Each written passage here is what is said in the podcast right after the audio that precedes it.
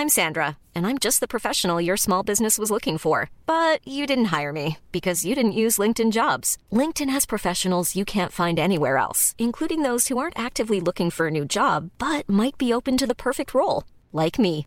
In a given month, over 70% of LinkedIn users don't visit other leading job sites. So if you're not looking on LinkedIn, you'll miss out on great candidates like Sandra. Start hiring professionals like a professional. Post your free job on linkedin.com/people today. Hey, mommy. There's the baby. Baby, all right, mommy. Yes, Who's there? I know you're there, now, baby. You answer me, it's me. Mommy. Come here. Where's Agnes? you want What are you doing, This is Graham. It's Group 140, Terminal 55.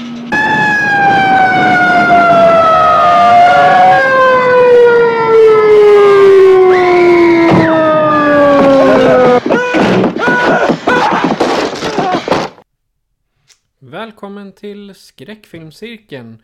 Idag ringer dig telefonen och på andra sidan skriker han. Billy! Agnes! Var är din syster? Vem är det månntro? Jo, det är demoner! Som kommer med ett meddelande i denna mörka tid. Och om du är bevandrad i proto-slasher-filmernas värld så känner du säkert igen plotten som jag just drog som en snabbversion till eh, filmen Black Christmas eller Stilla natt, blodiga natt från 74 som den hette i Sverige. Eh, Du Fredrik, du är, pre- du är snart präst. Eh, Jajamän. Känner du att vi är i en mörk tid som man skulle kalla för Black Christmas nu? ja, men mer vädermässigt är vi onekligen i en svart och mörk tid. Men ur ett kristet perspektiv eh, kring jul så är vi ju i ett väldigt lyckligt eh, tid här nu när eh, frälsaren själv här snart är född. Men samtidigt, vi lever i en, i en verklig värld och det var inte alltigenom trevligt om man nu tar julevangeliet. Jag menar kung Herodes får hissifitt där när han inser att vad är det, en ny kung har blivit född. Då blir ju han yxtokig och beordrar alla förstfödda barn eh, dödade. Så eh, ja, Jesu födelse är ju inte en alltigenom positiv, liksom lycklig berättelse. Men det är väl så lite livet är i stora drag. Liksom vi har verkligen det goda och det onda i samtiden. Så eh, samtidigt så kan det vara mörkt men också lyckligt. Kanske inte så mycket just i Black Christmas från 74 men ändå. Ja, jag har en del att säga om den filmen men jag tycker den är Den är underbar. Alltså hade jag inte haft ja, Nu har jag inte så mycket småbarn i familjen då men hade det varit liksom Jag, en 35-årig man tillsammans med resten av familjen som är inte alls intresserad av skräck. Men jag hade kunnat tagit alla dem, bunta ihop dem framför soffan och skippa kalanka och kolla på Black Christmas istället. Jo, den här brukar jag. Alltså den här är lite sen stående en gång per år ungefär. Jag lagom till jul. Det är väl den här och typ Die Hard. Sådana här härliga julfilmer. Men varför klassar man Die Hard som en julfilm? Alltså den utspelar ju sig över julen precis som Black Christmas gör också. För jag menar, vad är det där? Det, det, det är inte jul förrän, eh, vad heter han nu? Hans Grub... Ja, Hans det är inte- Gruber. Det är, inte, det är inte jul förrän Hans Gruber faller ner från Nakotama Plaza. Ja, okej. ja, kära Ja, värld. Men innan vi börjar prata om Proto Slashers och eh, Black Christmas tänkte jag vi kan eh, prata om vad vi har sett sen sist. Mhm. Så jag tänkte om du har någonting skoj att bjuda på. Ja du, det har varit hektiskt här nu ett tag. Eh, Jag har pluggat, eh, jag har arbetat. Vi går ju in i kyrkans mest, vad heter det, ja, stökigaste period nu. Eller ja, stökig är väl att ta i. Men alltså vi, vi gör ju vansinnigt jäkla mycket. men jag har inte sett så mycket alltså skräck här nu. Eh, ska jag villigt erkänna. Jag såg, jag skaffade Disney Plus. Eh, och kollade den här Shang-Chi and the Legend of the Ten Rings. En av deras nya hjältar där då som länkade ihop lite till Iron Man 3. Där, eh, ja, där han drabbar samman med The Mandarin. Eh, Och han har ju en skurkorganisation där han har ju tio magiska ringar. Men i, fil- i den så visar det sig att han är ju en bluff. Det är ju bara en skådespelare där som är betald för att vara någon front för en annan skurkorganisation. Men så visar det sig att The Mandarin finns ju, men han heter ju inte det utan det är ju Chang-Lis pappa där då. Han har ju de här tio ringarna och, som har gett honom ofantligt långt liv och han är jätteelak och dum. Eh, och han liksom, ja men det- är väldigt mycket ras al Ghul från Batman kände jag. Och han har sin ninja-organisation och han liksom beter sig. Eh, men sen sonen där då har vuxit upp men kommer fram till att han vill inte bli lönnmördare och överger sin far där då. Och sen typ, eh, vad är det, typ 10-15 år senare när han har liksom levt sitt liv och tror att allting är frid och fröjd. Ja men då kommer pappa tillbaka där och nej och nej. Eh, för nu tycker han att eh, sonen ska ta sin rättmätiga plats i hans imperium där då. Och så blir det fräsliga strider och hej vad det går. Men den var ganska bra ändå. Alltså det var verkligen ingenting nytt. Jag kände liksom att jag hade sett hela den här filmen förr. Men det var gjort på ett bra och underhållande sätt. Vilket gjorde att liksom jag hade en trevlig underhållande stund. Och det var liksom väldigt mysig fantasy. Det var mycket så här asiatisk, kinesiska drakar och sagoväsen och allt vad det nu var. Så ja, sen tyckte jag väl kanske att det var varit lite så här, ja, det kom ett jättestort argt monster i slutet där då som de var tvungna att slåss emot. som, skulle förgö- ja, som skulle förgöra världen någon hemsk drake där. Eh, som typ sög i sig själarna och ju mer själar han slaskade i sig desto starkare blev han och så skulle han bli ostoppbar och jag kände väl ah, eh, pff. Men ja, vad fasiken. Det fanns lite Cthulhu-vibbar över den monstret. För det var mycket tentakler och den kom från en annan dimension. Så ja, lite, lite, lite skräck letade sig in där. Men nej, det är i stort sett vad jag har sett som är värt att nämna något. Men ja, kul superhjältefilm. Så hepp hepp. Jag har eh, faktiskt inte sett så mycket filmer. Men jag har däremot binchat eh, Fear the Walking Dead Oh, eh, igen. För det har kommit en sjunde säsong nu. Är det hade- sista säsungen eller?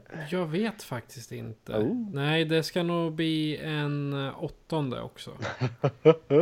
för det, det sjunde kom den, 20, nej, den 17 oktober Ah, ja. i år. Och så från december, i december så ska, ska det komma en åttonde säsong också.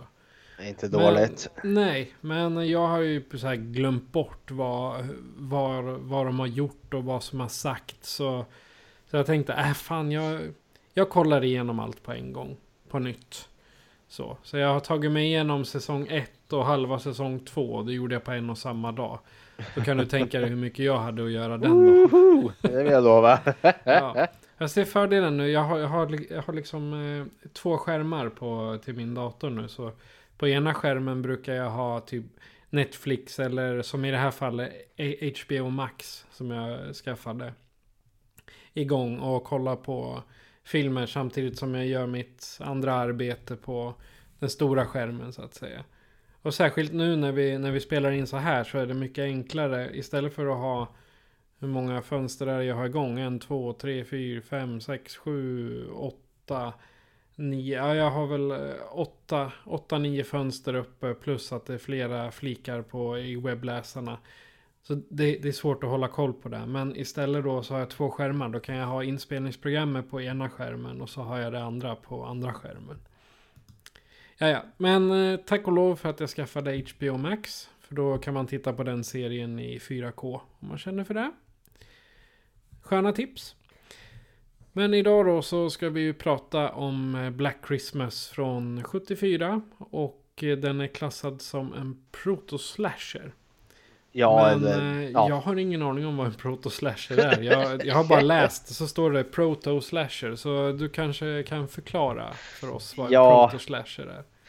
Vi ska rada ut här nu. Alltså det, vi, vi har ju tagit oss an ganska nyligen här en av liksom de största största slasherfilmsgenrerna eller franchisen när vi betade av halloween-filmerna. Eh, och det är ju liksom alltså själva begreppet slasher. Det har ju liksom kommit i, alltså efter framgångarna med just eh, Halloween 78 där. Eh, för då var det ju så många som efterapade den liksom typen utav filmer. Ett gäng ungdomar som blir eh, förföljda utav en mördare med eller utan mask.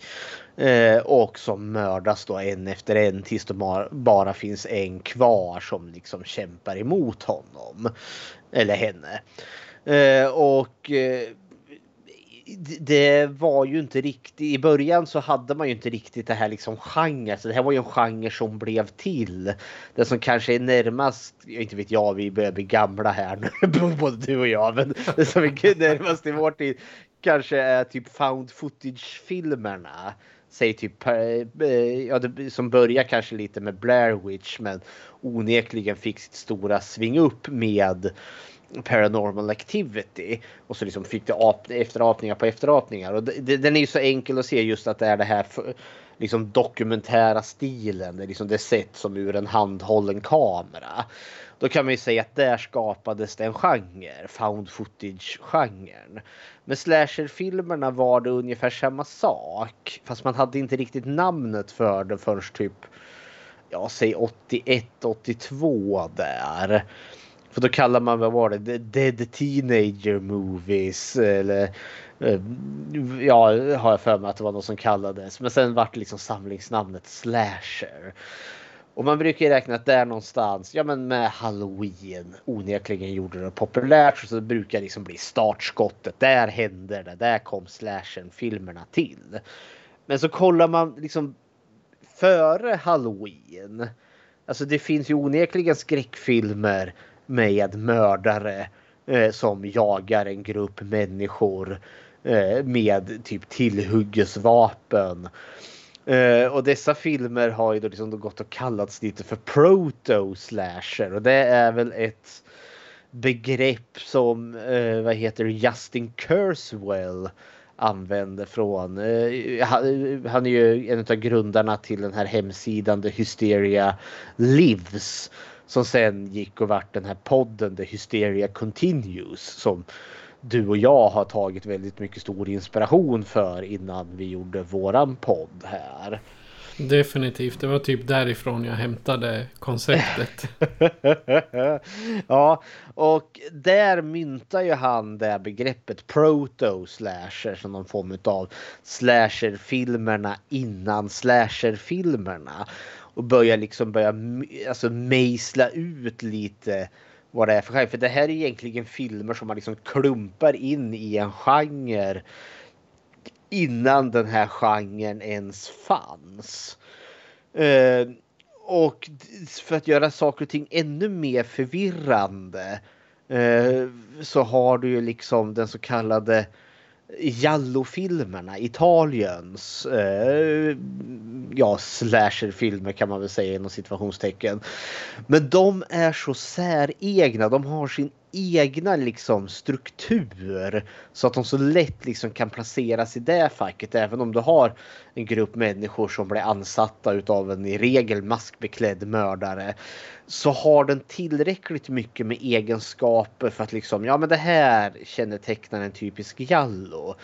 Eh, och det skiljer sig från en slasher. Men vi ska gå in på de slasherfilmerna som kom innan slasherfilmerna som inte riktigt passar in i slasherfilmsgenren men är tillräckligt nära för att liksom vara en slasher.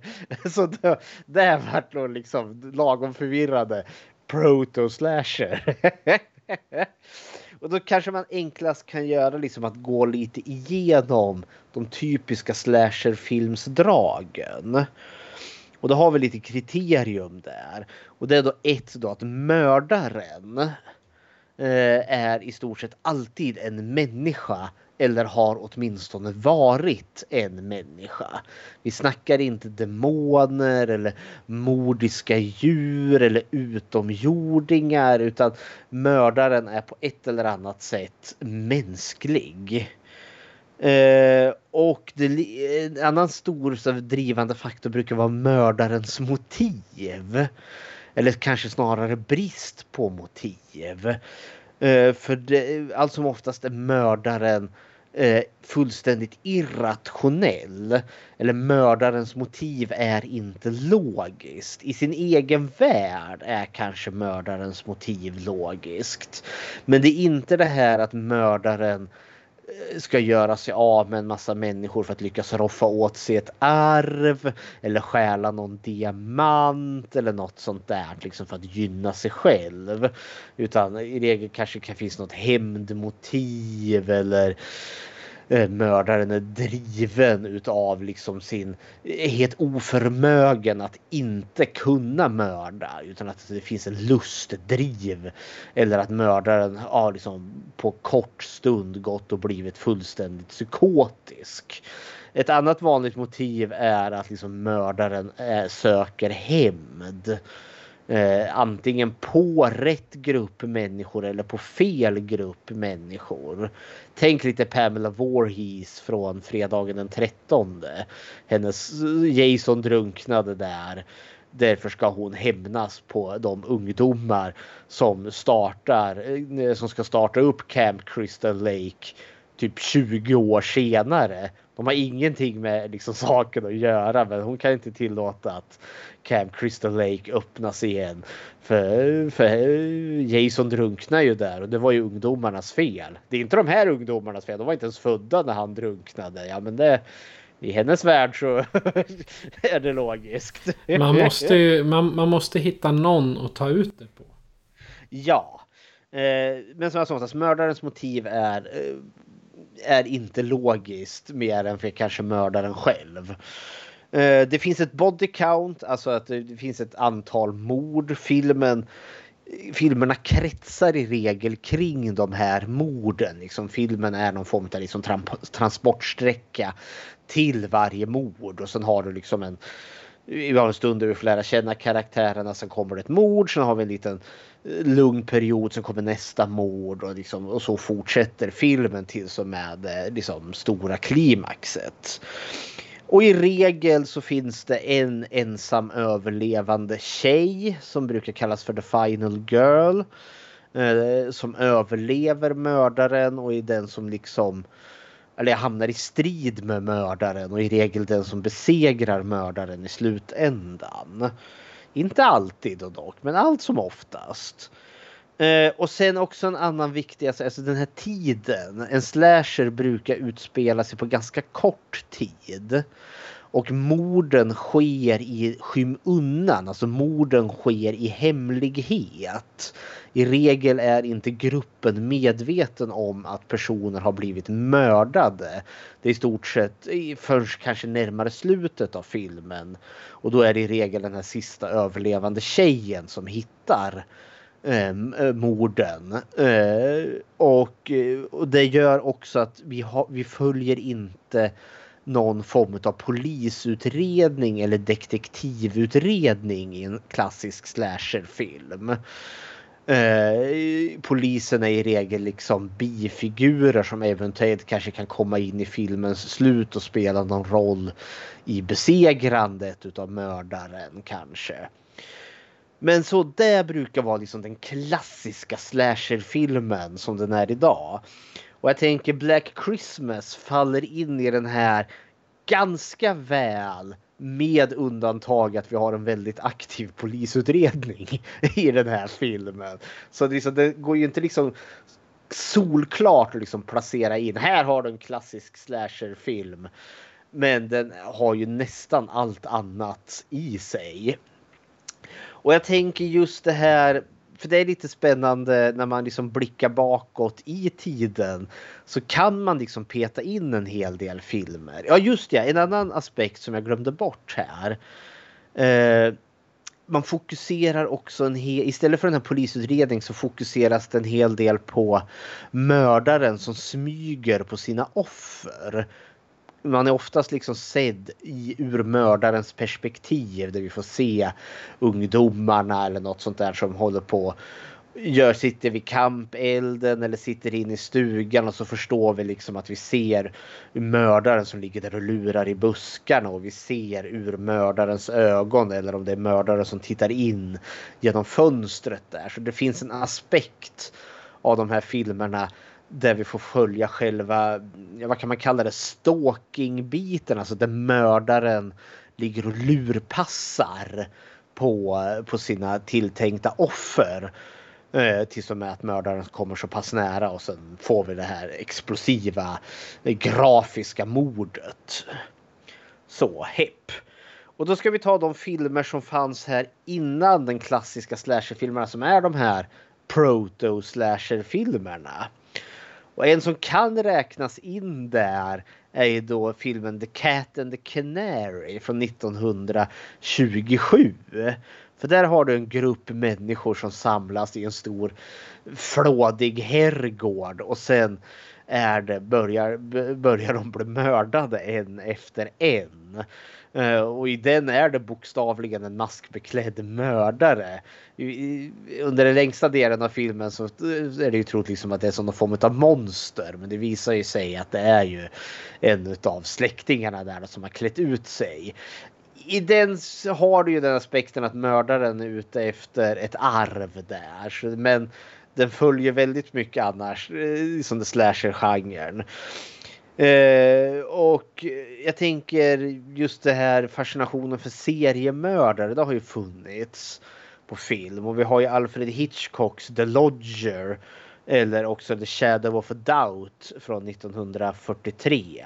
Eh, The Lodger gjordes 1926 och är en stumfilm.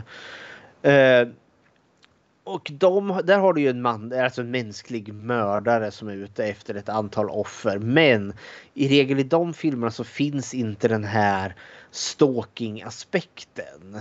Utan det är snarare fokuserar på människorna runt omkring som i Shadow of a Doubt så vet vi ju att eh, vem mördaren är hela tiden och fokuset ligger mer på eh, den här systerdottern eller om det är brorsdotter som har avslöjat att hennes morbror eller farbror är en seriemördare och börjar liksom fundera. Så det är inte riktigt liksom, men det, det finns ju självklart om man söker Dementia 13, Francis Ford Coppolas eller om det är Martin Scorsese. Ja, det är någon utav det, jag tror det är Coppola. Där har du ju en väldigt liksom, så klassisk början på en slasherfilm och den är väl gjord 63. Eh, där också har jag liksom människor, någon knepig släkt i en herrgård och sen dyker det upp en galen panna med en yxa där och börjar yxa ihjäl folk. och så visar det sig att det är någon, ja, någon sinnessjuk eh, släkting där då som av något märk ja, som har något eh, Ja, är det något motiv till systern som drunknade för en herrans massa år sedan som han var involverad i och nu måste han ut och yxa ihjäl folk. Annars brukar man ju säga att Psycho, Alfred Hitchcock Psycho är ju lite utav ett eh, startskott. Just eh, för vi har ju inte direkt, det finns ju liksom visserligen ett body count i och med att vi har två eh, mord där och det mest notoriska är ju duschmordet på Janet Lee. Eh, eh, Marion heter väl karaktären. Eh, och sen är det ju han stackars polisdetektiven Abergast som åker på det. Eh, men just det där att du har det här mordet med den här stora kniven. Han hugger, han slashar ju henne i duschen där.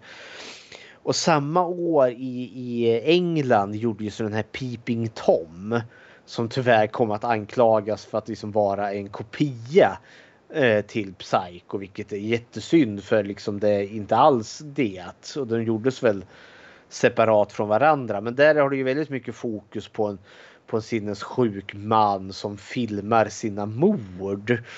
Han mördar ju stackars kvinnor med stativet som han har en knivblad längst ut. Så han, liksom kan, han kan bokstavligen filma dem när de dör. Eh, men det var väl kanske mest liksom ett, eh, ja, ett body count som finns i den som kanske Psycho inte hade för du har typ sex, sju mord i den. Eh, men samtidigt är huvudpersonen mördaren i sig och hans trasiga psyke så det var ingen final girl där. Men sen kom ju The Grandfather of Gore. Herschel Gordon Lewis, herre min ge, i Bloodfeast 1963. Typ gjord på en budget av 10 dollar känns det som. Men det är liksom när han kom fram till vad har vi inte sett på film? Vi har inte sett blod. Nej, han köpte hinkvis med slaktavfall. Och så filmar vi in det liksom i Gory Glory. När någon vansinnig, vad är det? Ja, vad är han? Han är ja, vad heter det när man, han, han har en cateringfirma. Och sen ska han eh, catera en fest i egyptiskt tema men det råkar ju visa sig att det är någon offerritual till någon eh, vad heter det, e-, egyptisk gudinna. Han ska ju göra the blood feast. Och så är det ju ett x antal mord där då, där folk slaskas ihjäl. Jaha, var var vi? Vi var vid Bloodfeast. Ja, jag ska inte tjata igenom Jag blir mest bara namedroppa titlar här. Men alltså här har vi lite den här mördaren som har ett fullständigt irrationellt beteende och sen ett ganska grafiskt kill count. Eh, vi har den här filmen A Bucket of Blood eh, regisserad av Corman, Roger Corman från 59. Eh, där vi har en mördare som mördar folk för att göra skulpturer av dem. Man typ sveper in dem i lera. Eh, men där har du ju heller liksom ingen direkt final girl utan det är fokuserat på mördaren. Sen har vi ju filmer som börjar verkligen gå in i det där. Vi har en film som heter Silent Night Bloody Night från 1972. Eh, den är väldigt slasher-esk. Eh, jag, tror nästan den kickar, liksom man kan bocka av alla eh, liksom kriterium där. Jag är en sån där, när man börjar fråga liksom, vilken är den första slasherfilmen? Ja, då brukar jag liksom linta åt att ja, det kanske är Silent Night, Bloody Night.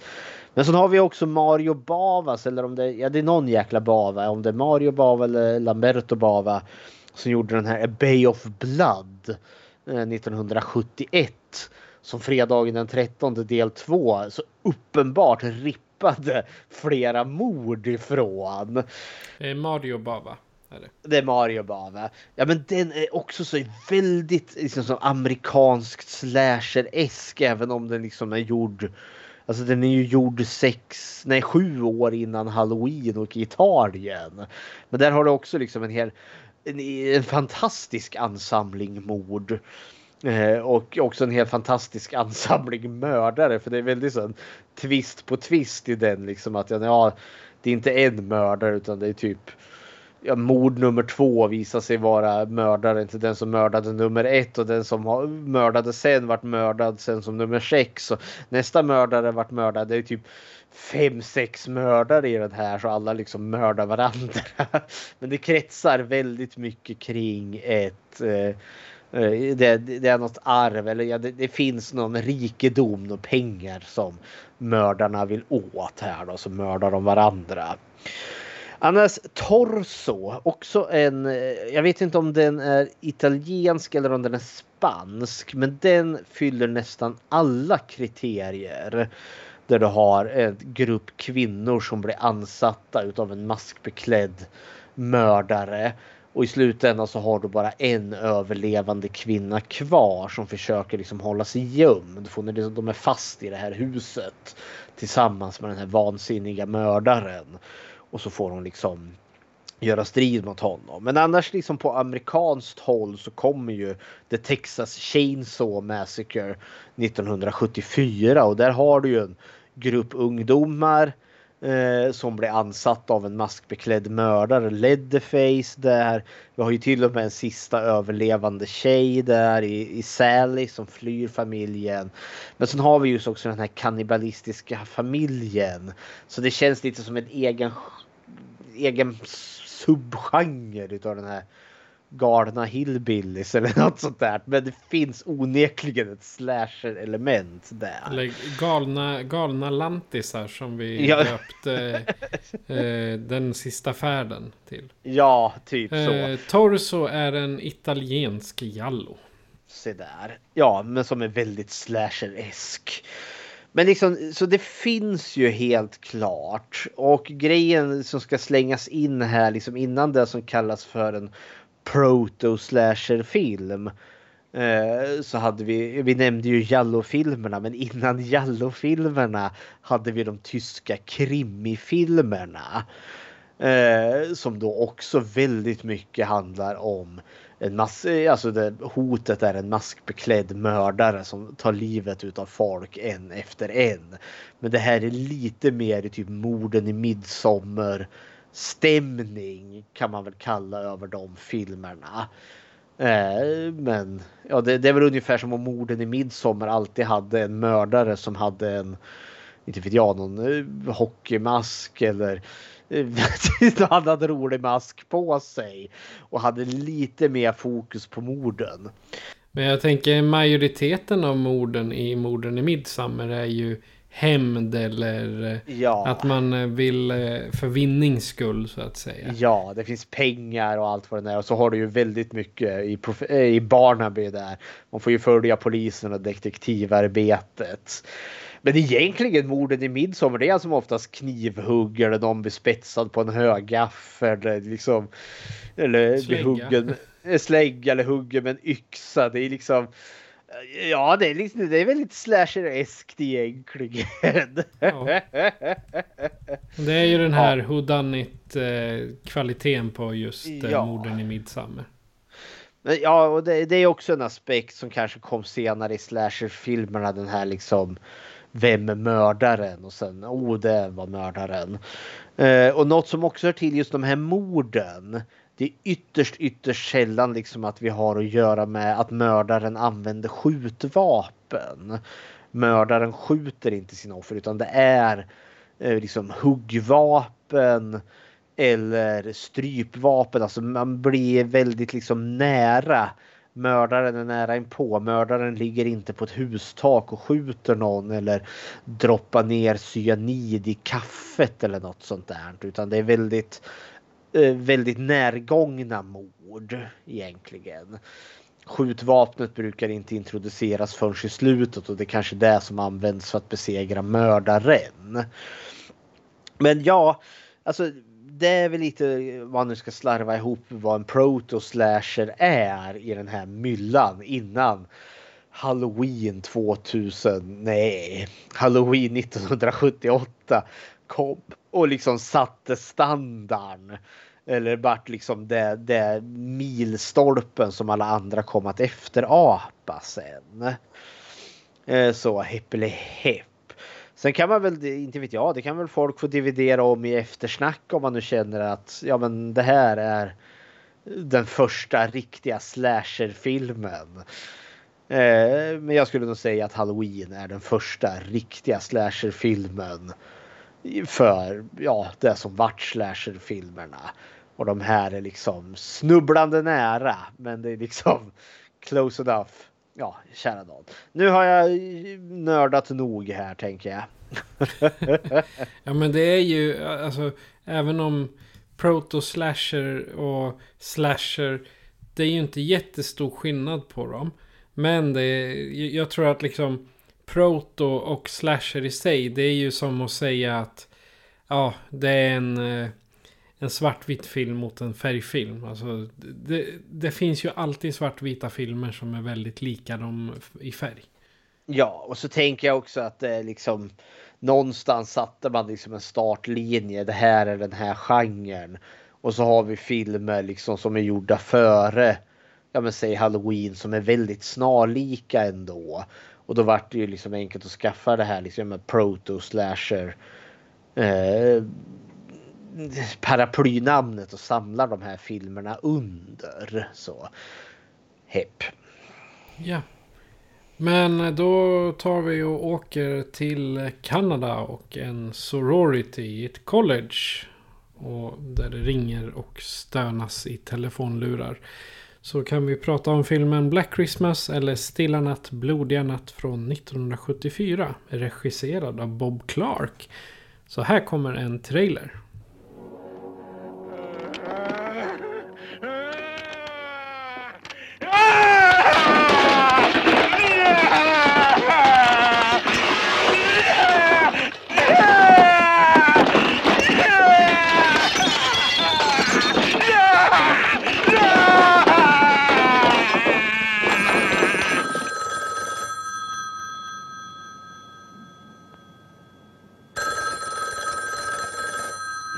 A high school girl's been murdered. Mr. Harrison's daughter is missing. And now at the house where she lives, the other girls are getting obscene phone calls. Yeah, what I've done is I've tapped this phone so that when it rings, it'll ring at the station house too. There was a little girl murdered over in the park tonight. Yes, I heard.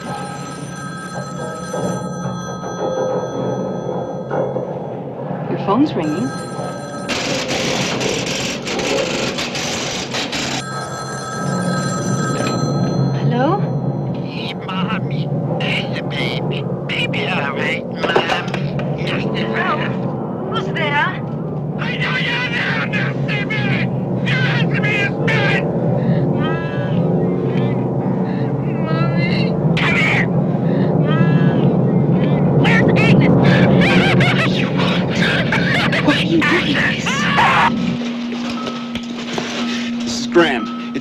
1940, Terminal 55.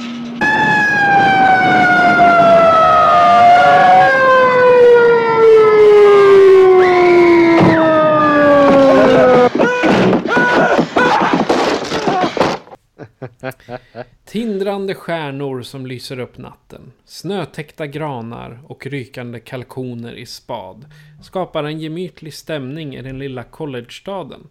Det vankas juletider. Men för tjejerna på studenthemmet blir det knappast någon frid i stugan. En bokstavligen yxtokig mördare börjar ringa obscena samtal och snart förvandlas perversionerna till seriösa hot om en stundande och mycket otrevlig död för dem alla. Vad ingen vet är att galningen redan befinner sig i huset där han sitter och trycker i väntan på att festen ska börja. Vem kommer överleva jultomten från helvetet? Det är plotten till Black Christmas eller Stilla natt, blodiga natt från 1974. Eh, Efter min vackra intro där Fredrik, har du några initiala tankar eller känner du för att dra? Nej då, nej då. Jag känner inte för att dra. Men alltså den här filmen är eh, är en av mina absoluta favoriter.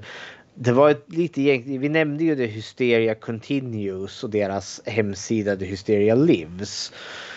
Eh, den läste ju jag när jag gick i gymnasiet och det var ju slutet på 90-talet, herregud. Eh, ja, och där liksom listades ju alla de här liksom slasherfilmerna från dåtid till eh, ja, nutid. Och eh, de recenserar ju alla de här filmerna och gav dem betyg från 1 till 5. Och Black Christmas eh, var en av dem som jag läste, alltså första gången jag hört talas om Black Christmas var på den hemsidan. Och så läste jag recensionen och den här fick då full pott. Alltså 5 av 5. Vilket gjorde mig jättenyfiken på den. Men det tog, det tog väldigt lång tid innan jag liksom fick fatt i den här. Eh, och det var liksom uppfödd lite på en stadiediet utav fredagen den 13 Scream. Jag vet vad det gjorde förra sommaren. Eh, så jag första gången liksom när jag var typ 18-19 där och såg den här på någon import från USA eller nej från Storbritannien. Eh, som var en ganska mörk utgåva. De hade liksom inte ljusat upp den så det var en hel del jag inte såg. Så var jag inte så tagen av den för den är ju inte Alltså det, det, har ju mord, men morden är ju inte det centrala i den här filmen. Så som säg fredagen den 13 där det var typ 15 slaskiga mord.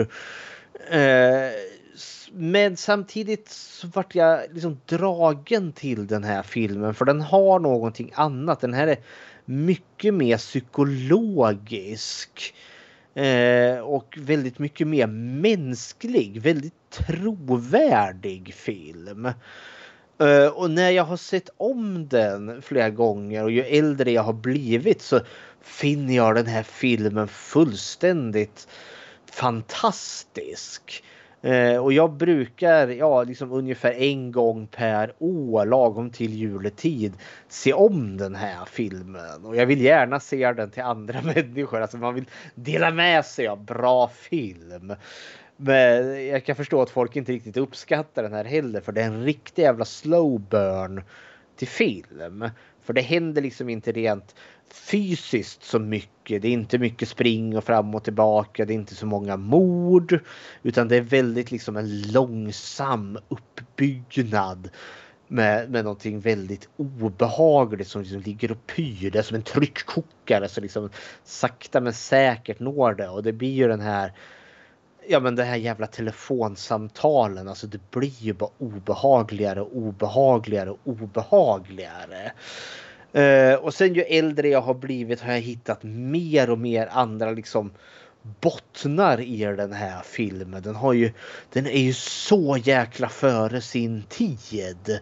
Alltså det här är ju verkligen hashtag metoo. Alltså det, jag skulle säga att det här är en väldigt feministisk film utan att skriva en på näsan. Så den här har gått för mig liksom att bli en film som jag försökte jaga rätt på för att jag ville se slasherfilmer med slaskiga mord. Att liksom ljumt inställd, liksom, nej, nej, det var ju inte så många halshuggningar i den här. Till att tycka att det här är en av de absolut bättre liksom, ja men slasher-filmer eller proto-slasher. Men alltså det, det, det, här är, den här sitter uppe på guldhyllan.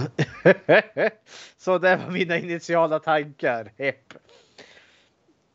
Alltså jag tycker Black Christmas så här på senare år så vill jag stoppa den i kultklassikerhyllan. Helt klart. Och jag har tittat lite här och var så...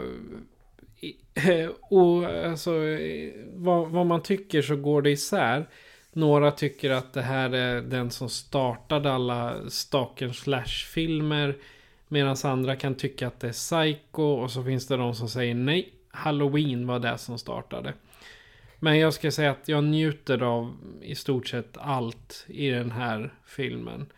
Och bäst tycker jag nog är den alltså atmosfären som han har byggt upp kring, eh, kring området ända från öppningsscenen.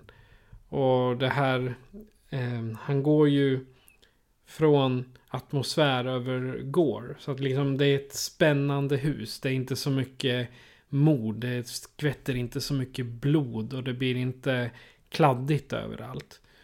Eh, men jag har lite svårt för långsamma filmer ibland. Men den här är långsam fast det går snabbt. Om, om det är lagom. Men den, den håller liksom liv i sig själv hela tiden. Och jag har mycket respekt för den här filmen. Ehm, och jag eh, fördömer dem för att ha försökt göra remakes på den. Damn you! Då så, ska vi gå in på karaktärerna då? Ja, den här vi kör våran klassiska karaktärerna platsen hotet lämpar väldigt väl på den här filmen. Eh, jag tänker det är väl passande att börja med våran huvudkaraktär. Den här filmens Final Girl innan Final Girls ens fanns som koncept. Eh, uh, yes, eller jo Yes, spelad av Olivia Hussey.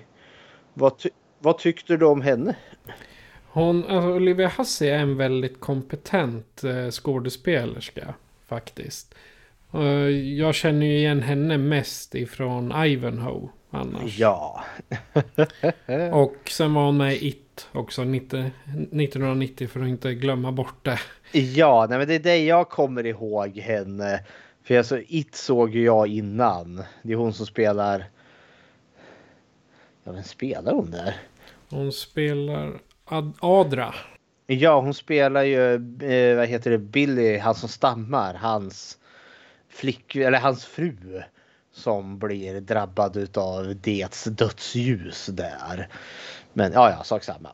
Ja. Nej, hon, alltså jag, jag tycker hon är en väldigt, eh, ska man säga, en, en kompetent skådespelerska. För hon har så, hon har väldigt bred, eh, ska jag säga, bred erfarenhet. Är, hon har bred kvalitet.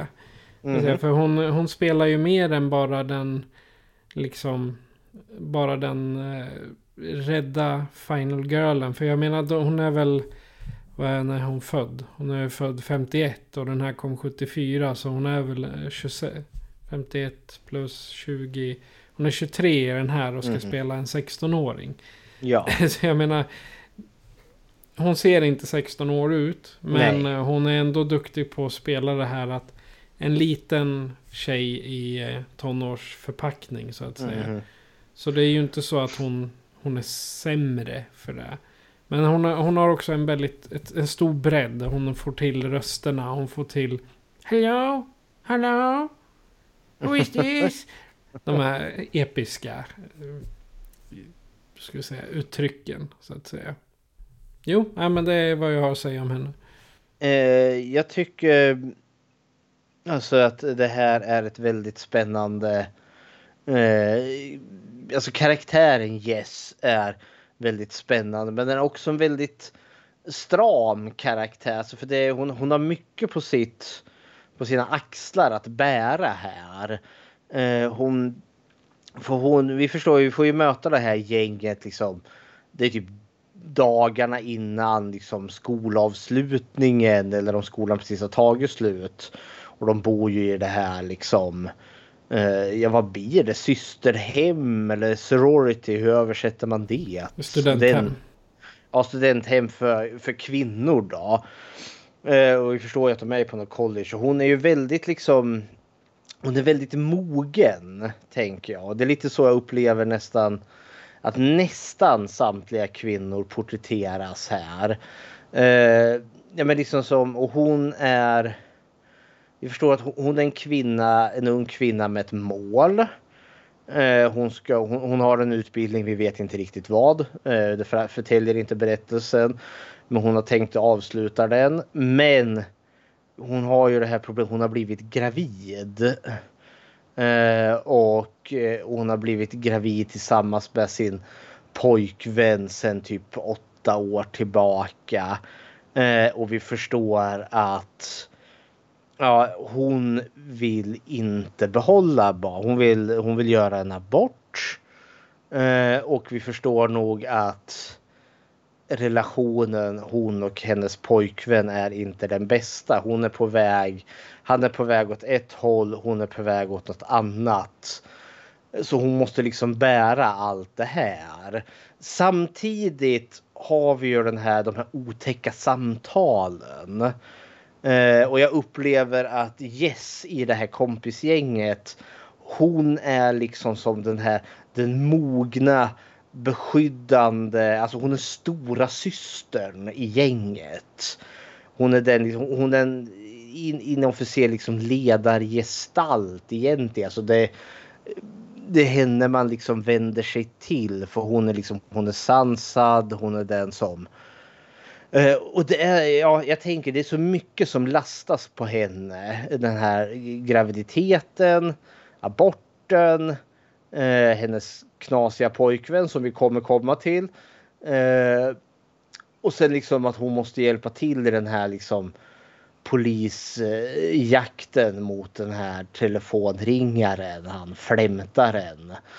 Eh, liksom så mycket bara läggs på henne att hon eh, och att hon fortfarande liksom bara orkar stå upp Alltså en annan hade liksom, jag hade nog legat som ett nervvrak och skrikt under granen eller något sånt där. För jag känner liksom att hon, hon måste liksom ha nerver av stål.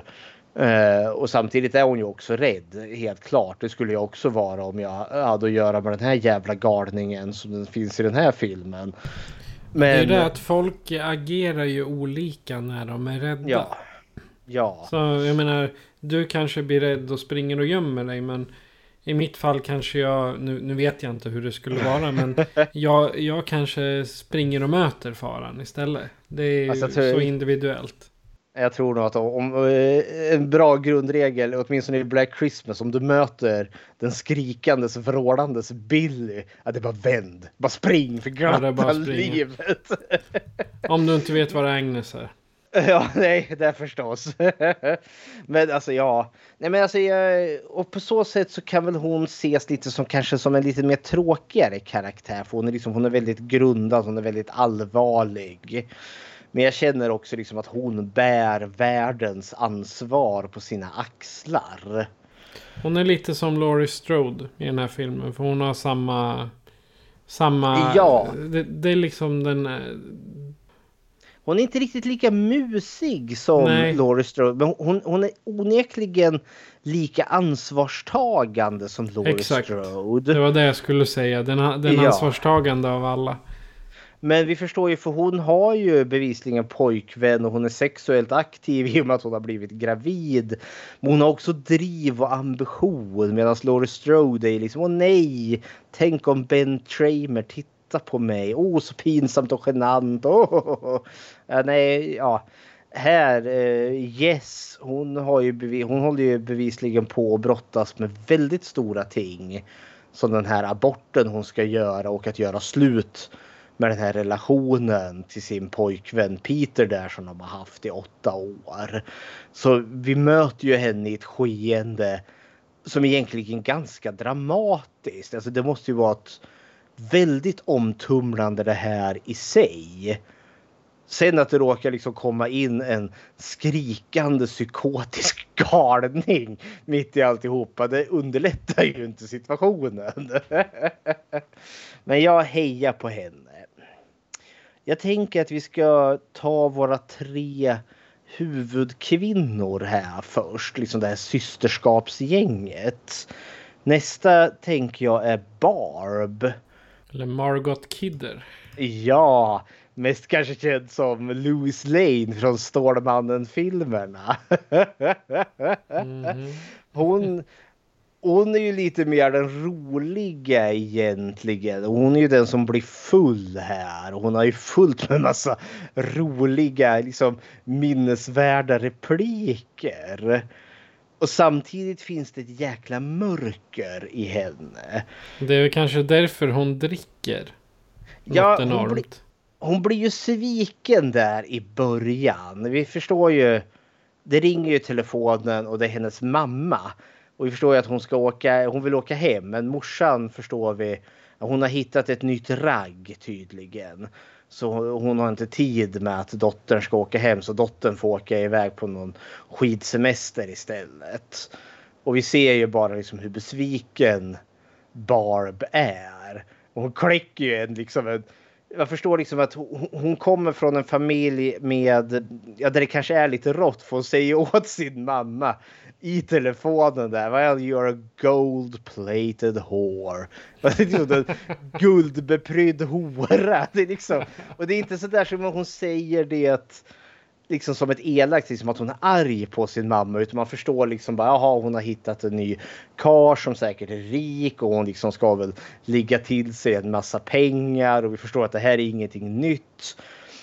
Men vi förstår liksom också att eh, eh, för Barb förstår vi också är väl kanske utav de här tre kvinnorna Yes, Barb och Phil eh, så är det ju hon som kanske har varit mest sexuellt aktiv. Mhm. Eh, utan att måla upp henne, eh, vilket jag uppskattar.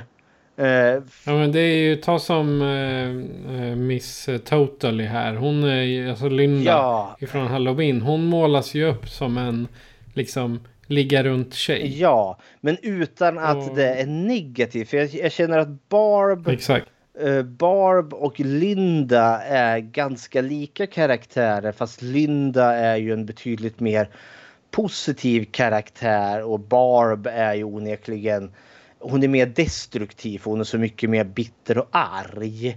Men det känns som Hon kanske mer är deprimerad, alltså har en typ av depression som hon låter dämpa med öl och sprit. Ja, nej men alltså det finns ju ett mörker i den här karaktären som jag uppskattar. Alltså det låter fel att säga att jag uppskattar det, men alltså hon är också the comic relief. Alltså hon är den roliga i det här och samtidigt bär hon ett jättestort mörker. Eh, för, för, hon, för hon blir ganska plump och dum. Eh, när hon är, vid ett tillfälle när hon är berusad. Eh, Och så dricker öl när de väntar på att lämna en anmälan till polisen. Ja, nej men hon... Jag tycker det är riktigt fint. Ja, men hon, hon kommer ju fram just där när hon, hon säger liksom... Eh, ja, men det är en av flickorna här, en av unga tjejerna blir ju mördade här utav Billy i början utan att de vet om det. Och den springande punkt, eller en utav, som sätter igång är ju att den här tjejens pappa dyker ju upp och de kan inte hitta henne. Eh, de vet ju inte att hon ligger död på vinden. Eh, och vi förstår ju att den tjejen var från en väldigt proper, liksom fin i kanten familj och jag tolkar dem som en väldigt pryd familj. Det är liksom händerna på täcket, man eh, sex för äktenskap inte att tala om. Det är väldigt moraliskt som vi förstår från hennes pappa. Ja, men han, han säger väl, jag skickade inte hit min dotter för att Mm. hon skulle bo med ett gäng slampor. Ja, ungefär så där. Ja. Nej. Väldigt trevlig eh, far. Ja, men han, han är väldigt nedvärderande och Barb befinner ju sig liksom på andra sidan spektrumet. Hon, hon är inte den som spottar i glaset och hon är den. Det är inte killar som raggar upp henne utan det är hon som raggar upp killar. Eh, Men med tanke på hur hennes pappa beter sig där så förstår jag att hon, har, att hon gör det där. ja, men det, det, Hon gör ju raka motsatsen. det är inte hennes pappa. Eh, det är, Nej, det är, det är hon som blir. fylls. Ja, det är hon som blir kvävd med påsens pappa. Så är det Ja. Men Eh, hon fyller ju, hon är, det är inte så att hon är eh, Guds änglabarn hon heller. Nej, men liksom, grejen är ju den att eh, det här mörkret för Barb i fyllan och villan när hon blir arg här sen. Så säger hon ju ut liksom att ja men säg som ni tycker liksom. Det, det är mitt fel. Att hon nu, för de tror ju att hon har rymt, att hon har sprungit därifrån. Och liksom Barb säger liksom, ja, ni tror att det är mitt fel för jag drev bort henne där. Och då förstår jag liksom att ja, men hon, hon brottas ju med de här känslorna. Liksom att hon känner att, he, att folk ser ner på henne. På grund av hennes sätt att leva. Men vi har ju också i början att hon blir övergiven av sin mamma där. Morsan ska ha hittat en rik kar och hon ska knulla till sig lite pengar. Och dottern betyder liksom ingenting och du får roa dig så bäst fan du vill. Så hon dricker ju också för att hon är bitter och arg. Hon vill liksom slå ut. Så är liksom... Och det är det som jag tycker är så briljant för den här jävla filmen. att det finns sådana realistiska bottnar. Det är liksom det färdigutvecklade karaktärer i den här. Vi, det, det är inte fredagen den 13 där liksom här är Tutt-Lisa och idrottskillen som ska ut och ha sex i skogen och nu kommer Jason och klyver dem i två med sin machete. Utan att det här är karaktärer som jag har fått lärt känna och som jag bryr mig om. För jag känner liksom för Barb. Även om hon också är väldigt plump och elak ibland. Så förstår jag vart hon kommer ifrån. Jag ser frustrationen, jag ser känslan. Och jag tycker det är awesome. Och sen klickar hon ju massvis med roliga one-liners där. Och hon lurar den här stackars polisen. Eh, Fellatio. De ska ge... Ska, jag, ska jag citera den, den diskussionen? Mhm. Eh, Då är det. Excuse me, could you give me the number at the sorority house, please? Och då kommer Barb. Yeah, sure. It's uh, Fellatio 2880. Fellatio. It's a new exchange. FE. Och så Sergeant Nash här då. That's a new one to me. How do you spell it? Och så Barb. Capital F E Little L L A T-I-O. Och så Sergeant Nash. Thanks. Barb, don't mention it. Ready to pop the question? The jewelers at BlueNile.com have got sparkle down to a science with beautiful lab-grown diamonds worthy of your most brilliant moments. Their lab-grown diamonds are independently graded and guaranteed identical to natural diamonds, and they're ready to ship to your door. Go to BlueNile.com and use promo code LISTEN to get $50 off your purchase of $500 or more. That's code LISTEN at BlueNile.com for $50 off. BlueNile.com code LISTEN. I'm Sandra, and I'm just the professional your small business was looking for. But you didn't hire me because you didn't use LinkedIn jobs. LinkedIn has professionals you can't find anywhere else, including those who aren't actively looking for a new job but might be open to the perfect role, like me.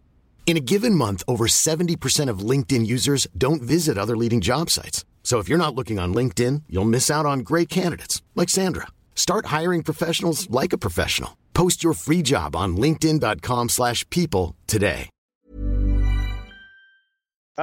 Och det hade inte... Jag kunde inte hitta den, den på YouTube. Nej, hade varit- Annars hade jag spelat upp det. Ja, nej, men det, är det hade polischef eller poliskonstapel Nash inte vet är att fellatio är ju oralsex på typ latin är det väl. Jag gillar den scenen som kommer lite senare. Nu hoppar vi av eh, från eh, karaktärerna. Men det är ju en serie sen. Eh, Fuller och... Ja, vad heter han den andra? Mörkhyade polisen. De sitter och gapskrattar åt eh, Sergeant Nash.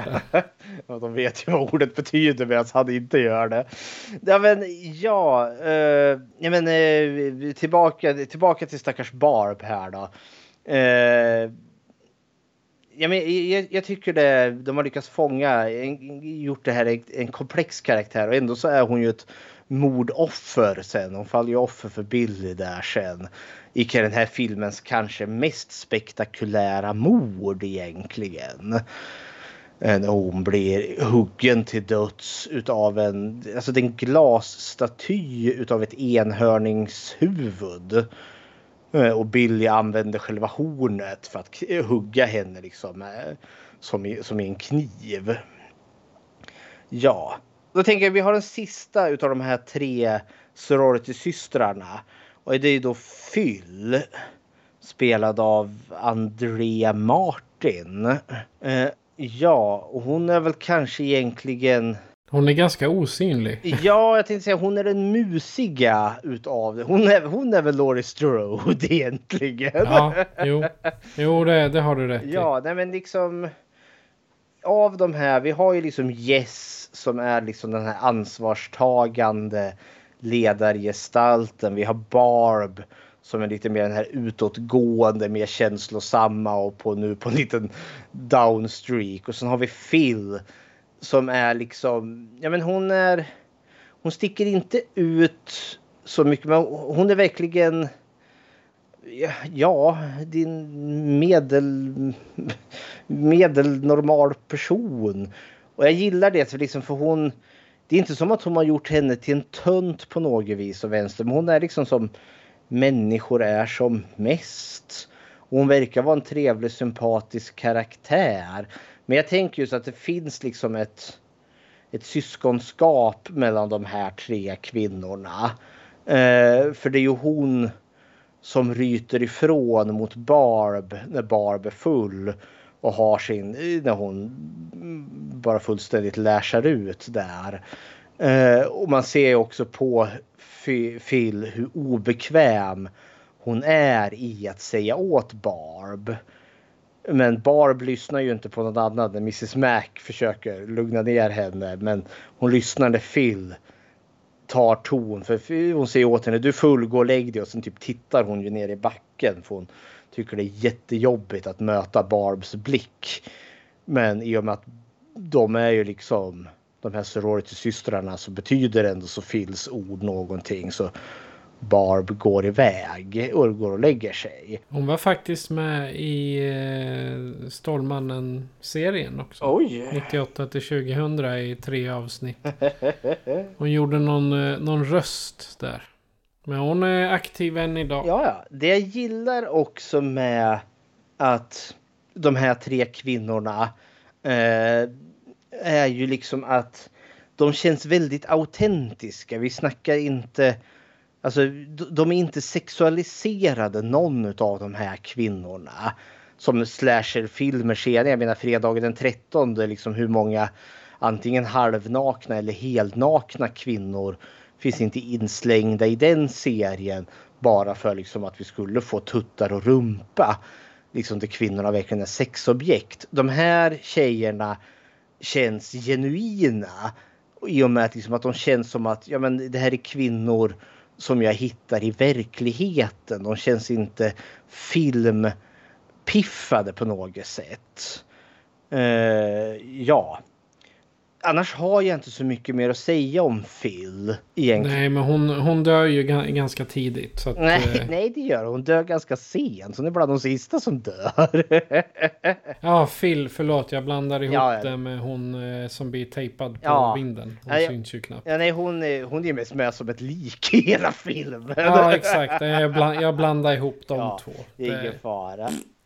Jag Men sen, nu vill jag prata om eh, min favorit, det vill säga Mrs Mac.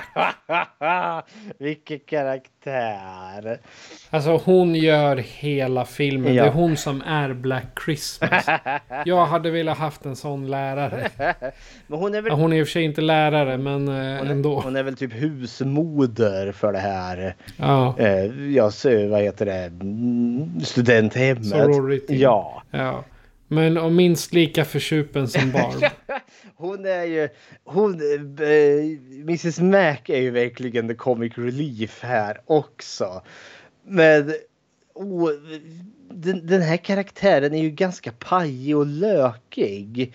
Men på en jävla vis och vänster så tycker jag de lyckas på ett bra sätt. Liksom, karaktären, den här karaktären hade lätt kunnat blivit äckligt överdriven så att den hade bara kunnat förstört hela filmen. Men nej, det är bara fantastiskt varje gång Mrs Mac finns med. uh, ja, kära där. Men alltså hon... Mrs Mac är ju positivitet genom hela den här filmen. Uh, men om man ska ge något också, för i och med att hon är så alkoholiserad. Ja, man får ju aldrig se henne typ dräggig, men hon har ju typ en whiskyflaska gömd i hela huset där och tar sig en liten sipp, liten hutt lite då, lite då. Eh, men alltså hon är ju också. Det märks ju att hon inte direkt. Ja, hon låter ju de här tjejerna sköta sig själva. Det är någonting väldigt positivt. Alltså det känns som att Ja. hon, hon har ju något form av förtroende. Men som när Barb spårar ur där när hon är brusad och dan och hon försöker liksom få Barb att lugna sig.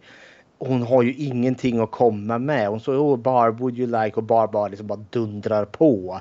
Det är ju inte förrän då när Phil kliver in som det händer någonting. Så hon har ju liksom inte direkt någon Alltså hon är liksom en liten av en clownkaraktär i livet också. Men hon är ju en frisk, fri, frisk fläkt i den här annars, Ja, ja. I den här annars ganska långsamma filmen. Ja, kära Dan. Men hon blir också mördad, stackarn. Ja. Ja, det är, henne, hon är typ den enda jag blir ledsen av Ja. att hon blir mördad. Ja men Mrs Mac, jag ville, ja, ja. Eh, Jäkla otur att de skulle leta efter den där katten istället för att gå till taxin. Ja. Och kommer upp, och kommer upp på vinden och vem står där och väntar? Jo det är ju Billy. Och så går det som det går. Eh, jag tänker, jag vill börja gå över lite till männen här. Jag vill ha eh, Mr Harrison. Eh, Mm, pappa där. Ja, han som är, ja, men han, han, som, han som är där och klagar. Jag skickar inte hit min dotter för att mi, mi, mi, mi, mi, mi. Eh, Ja, James Edmond heter han. ja. Och han, och han ser, han ser verkligen ut som en medelålders pappa. Han är tunnhårig och han har de här glasögonen. Eh, Rynkade ögonbryn. Ja. Men han- han känns lite som, alltså. Han känns som en mycket mer dömande Ned Flanders från Simpsons. Ja, definitivt. Ja, även om Ned Flanders där också har sina sidor. Men alltså Ned Flanders är ju liksom positiv och glad. Oakley, Oakley Avery.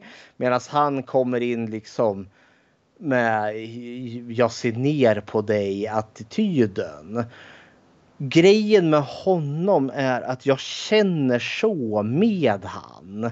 Det här är också en grej som jag tycker är briljant med den här filmen. För han är ju där för att hämta sin dotter.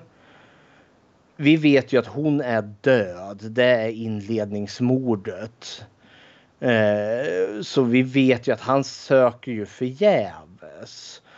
Och jag känner ju så med honom. För han går ju från att vara den här liksom, jag är bättre än hela världen. Till att liksom bli den här skräckslagna pappan som jag känner liksom bara men han utåt sett agerar inte riktigt liksom sina känslor utan man ser liksom att han internaliserar dem. Han, liksom, han, han, han håller på liksom att gå under i sin inre strid. För i slutet av filmen så svimmar han ju när allt är över. Och jag känner liksom wow. Eh, jag vet, det, det finns en mänsklig aspekt där. Det finns ju en subplot här. Eh, det, det, är ju en 12-årig flicka som försvinner. Som senare hittas död. Eh, i en skall, och han är ju med i den här skallkedjan. Det är en av de här med en ganska stark scen när den här flickan hittas död. Eh, och eh, vi får se modern, han är ju där. Och vi ser liksom den här flickan har bevisligen dött en ganska hemsk död. För alla reagerar liksom, åh nej. Men vi får ju aldrig se liket. Och han, Mr Harrison är där. Och sen kommer eh, flickans moder där och liksom bara skriker i förtvivlan. Och vi ser ju liksom han, han ser en förälder som precis förlorar sitt barn. Och han är ju där och letar efter sin dotter. Jag liksom kan förstå liksom känslan som för, eller jag kan föreställa mig hur det går liksom där. För han fruktar ju att uh, se säkerheten hos sin egen dotter. Och vi som publik vet att hans dotter är död. Han vet det inte än bara. Det, det var right in the feel för mig. För då kände jag så för Mr Harrison som har varit en ganska otrevlig karaktär. Och det tycker jag är briljant den här filmen. Som får mig liksom att empatisera med den här mannen. Så ja, hepp. Då finns det en karaktär, eller nej, två karaktärer egentligen. Två karaktärer till. Eh, vill du ta Peter eller eh, Fuller först? Fuller först, för Peter blir lite en bra segway in till Ja, innan vi går in på hotet kanske, eller en liten paus där. Innan, vi tar väl platsen innan. Men Fuller, vad tyckte du? John Saxon. Åh, oh, John Saxton! Oh, mums, mums! Allt blir bra när John Saxton dyker upp. ja, ja, alltså det var ungefär vad, vad jag skulle säga. Um, han, han är grymt bra i den här filmen. Han är, han är typ bra i allt han är med i. Han dog, han dog i juli ja. förra året. 25 juli. Det fram, framgår inte hur men jag fick upp att han dog. Ja. Uh, han har ju varit med i evigheter. Mm. Han hade väl där redan då, 74. En hade han, väl, han hade väl redan då en ganska gedigen karriär. Han är en sån där, han har ju typ aldrig haft liksom det här stora genombrottet. Liksom. Han, han har ju funnits liksom i hur jävla många filmer som helst som man har ju sett där. Men, eh, jag menar, han är en stålig och ståtlig karl där. Men han, han, knep aldrig de här huvudrollen. Han vart aldrig James Bond eller nästa actionhjälte. Men ja, jag känner ju mest, jag, jag tänker ju alltid Nancys pappa från Terrorn på Elm Street. Det är ju han. Han var med i originalet till Fantasy Island ja, också. Se där. Vad tyckte du om Faller i den här filmen? Alltså Faller, han är så här jag hade lite svårt att, att hitta vad, vad han var för Nisse. Alltså, är han där för att eh, retas med tjejerna? Eh, eller är han där för att göra sitt jobb? Mhm. För först så tänkte jag att han skulle komma dit och liksom, eh, vad blir på engelska, liksom, egentligen moll, mobba dem. Ja. För att, de, eh, för att de var rädda, för att de trodde att någon var där och skulle ta dem. Men eh, okej, fine, nej det är du inte. Du är eh, där för att göra någonting. Du är där för att göra ditt jobb. Jag, jag gillar hans eh, samarbete med eh, sina arbetskamrater Mm. också. För det är inte det här att han bestämmer, pekar och säger du ska göra så här. Utan om han har ett normalt samarbete med Mm. folk. Det jag känner, alltså, det jag gillar, så vi kan ge cred till den här filmen. Eh, en sån typisk trop som du var inne på här är liksom, ja men de får de här hemska samtalen. De ringer till polisen. Polisen tror inte på dem. Ingen bryr sig, ingen lyssnar. Men, men, men. I den här filmen gör de ju faktiskt det. Att polisen är faktiskt engagerad. Eh, det är ju i stort sett bara han den här eh, Nash, han Flacio-mannen. Det är ju han som är ointresserad. Eh, och det är ju han, men han, han framställs ju också som en dumskalle. Eh, Faller är ju ändå så... Han tar ju det här på allvar. Visserligen har vi ju mordet på den här 12-åringen. Men eh, Fuller kopplar ju ganska snabbt ihop att det kan finnas en länk mellan mordet på 12-åringen och de här otäcka samtalen eh, som eh, studenthemmet får. Och just att vi faktiskt får se poliser som anstränger sig istället för den här inkompetenta polisligan som jag inte, jag som inte dyker upp förrän mördaren är besegrad. Nu är, blir det ju så i den här filmen också, men de är faktiskt kompetenta hela vägen. Det enda grejen att de inte vet är ju att Billy, mördaren, är i huset. Eh, men och jag gillar det, men han har ju också en väldigt auktoritär och det är det som jag som undrar den här feministbiten i den här filmen. Den som går att tolka in för just eh, de försöker ju spåra det här samtalet, vart det kommer ifrån. Och de riggar ju telefonen. Och det här är ju, det är ju 74 så de måste ju göra det manuellt. Man får ju se hur han springer där liksom i, ja vad är det, telefonkopplingarna. Det, Tele, telefonväxeln. Ja, och det är skitfascinerande. Jag tycker det är awesome att se det där. Och det är fant fantastiskt att de som, eh, som film då, alltså att de har fått ti- tillåtelse att starta upp hela den Ja. där. Ja, i och för sig då 74 så var det väl i, i bruk. Ja. Nu, nu tänkte jag fel. Ja. Det är inte gjord på det här århundradet. Ja, men liksom, och det, det gillar jag verkligen. Och sen blir det ju när de väl har fått reda på att mördaren är i huset. Då är de ju där med dunder och med brak.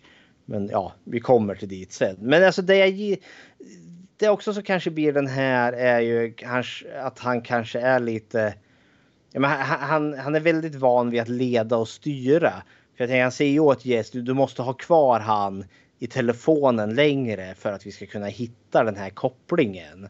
För de måste ju bokstavligen springa där i växelhuset och hitta det där, där är det där det ringer ifrån. De måste ju hitta det manuellt.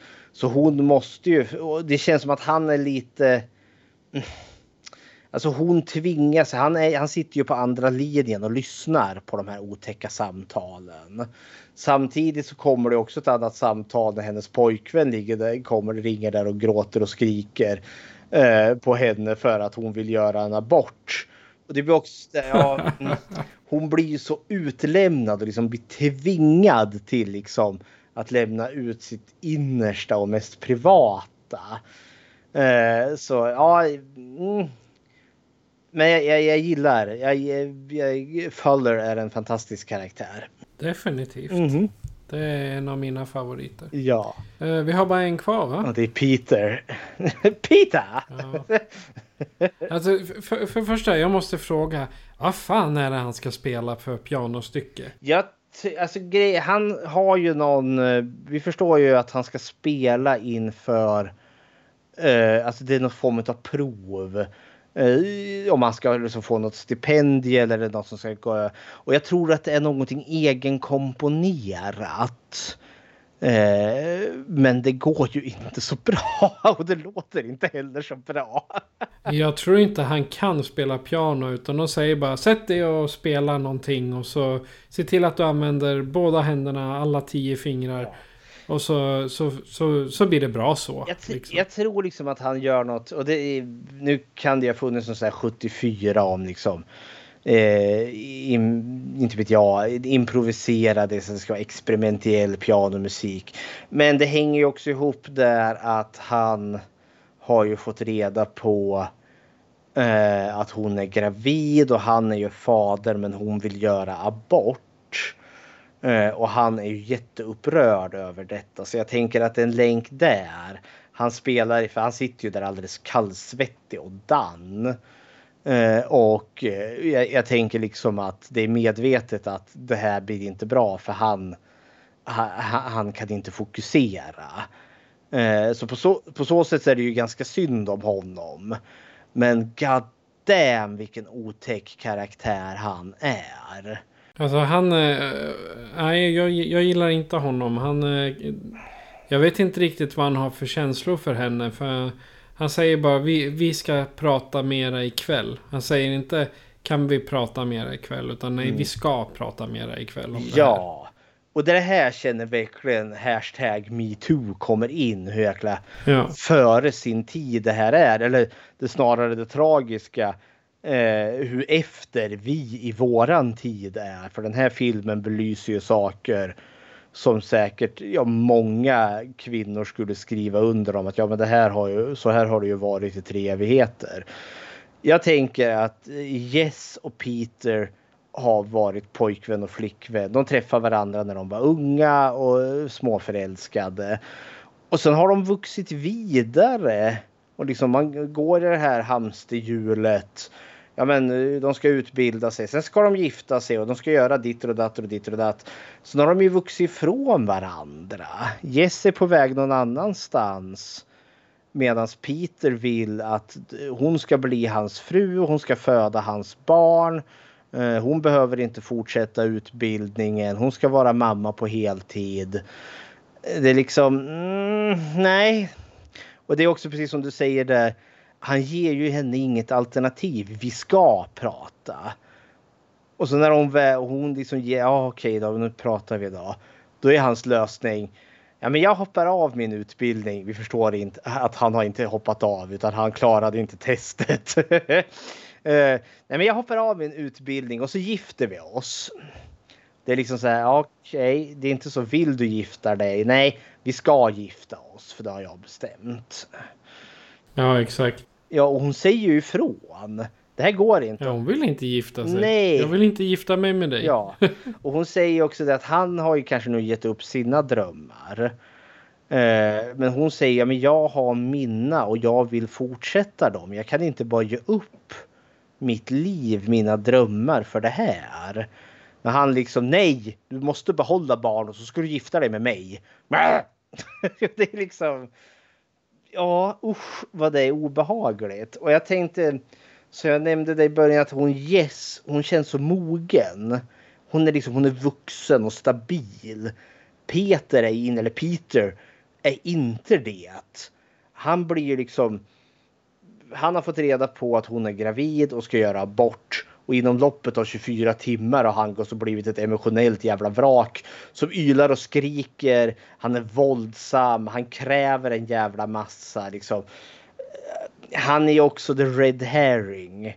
Alltså han är ju den som filmen, vi spoilar ju filmer här. Filmen, eh, när man ser den här första gången så ja, försöker ju filmen verkligen få en att tro att det är Peter som är mördaren. Men det är inte Peter som är mördaren. Eh, men ja, eh, och det gör de ju ganska väl. För det blir ju verkligen att han står utanför sorority houset och stampar.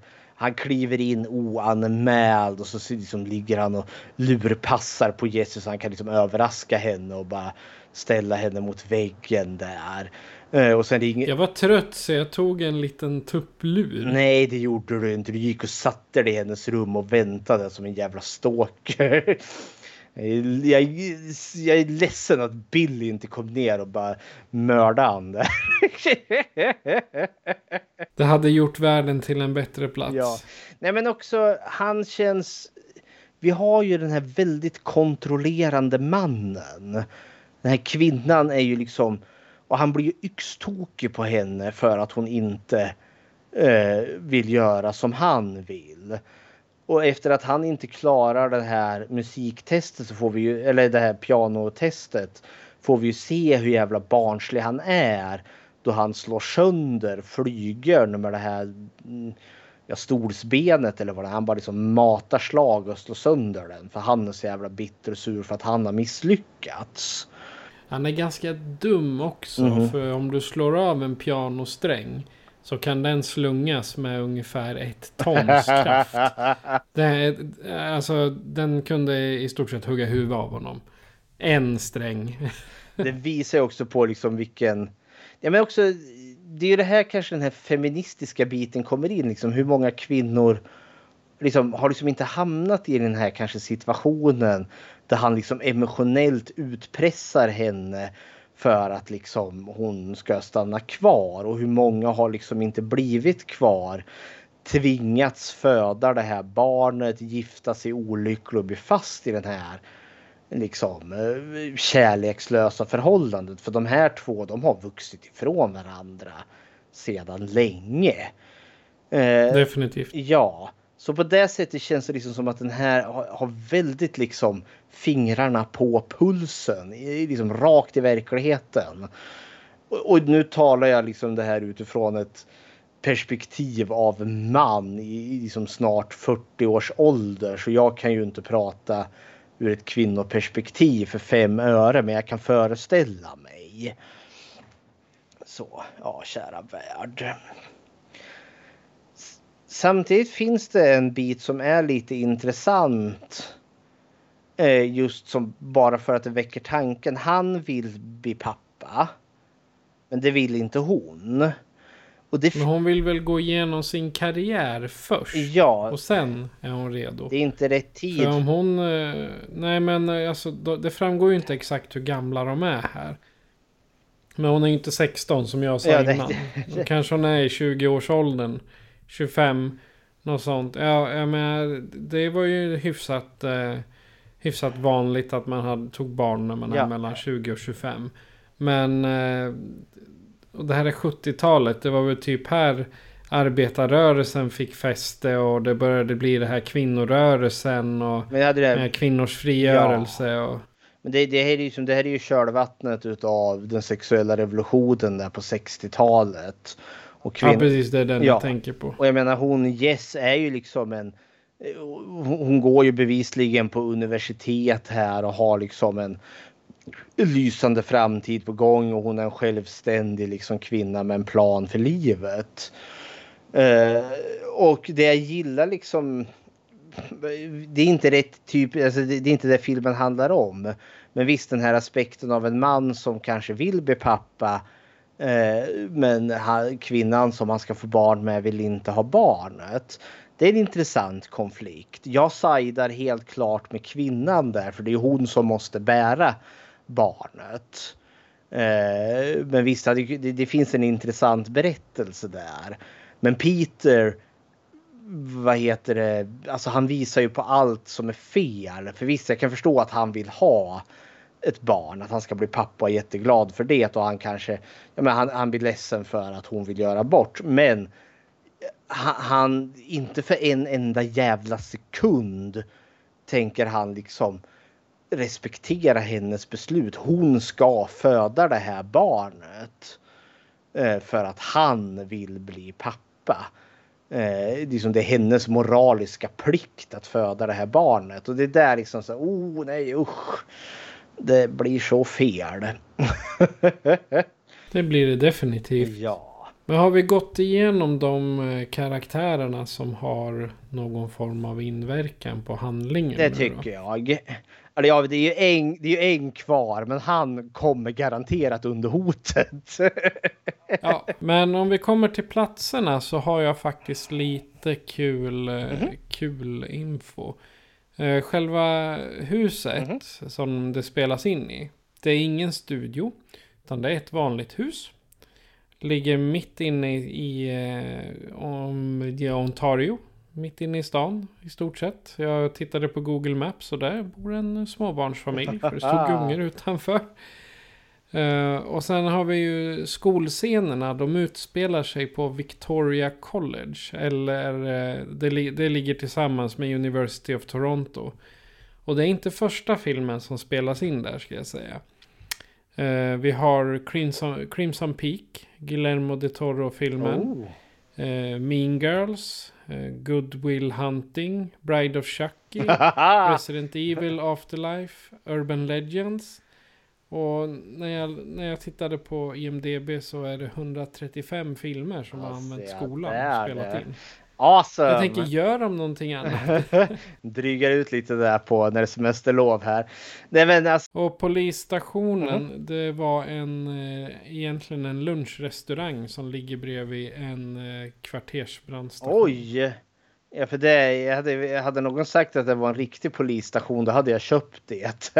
Ja, fast nu, nu kollade jag, den är restaurang nu. Ja, ja, alltså det kanske nu var. i år. Jag tror det, då så var det säkert någonting annat. Ja, för det är det jag ska ge den här filmen. Alltså den har verkligen en känsla av autenticitet. Och det har den ju av en anledning.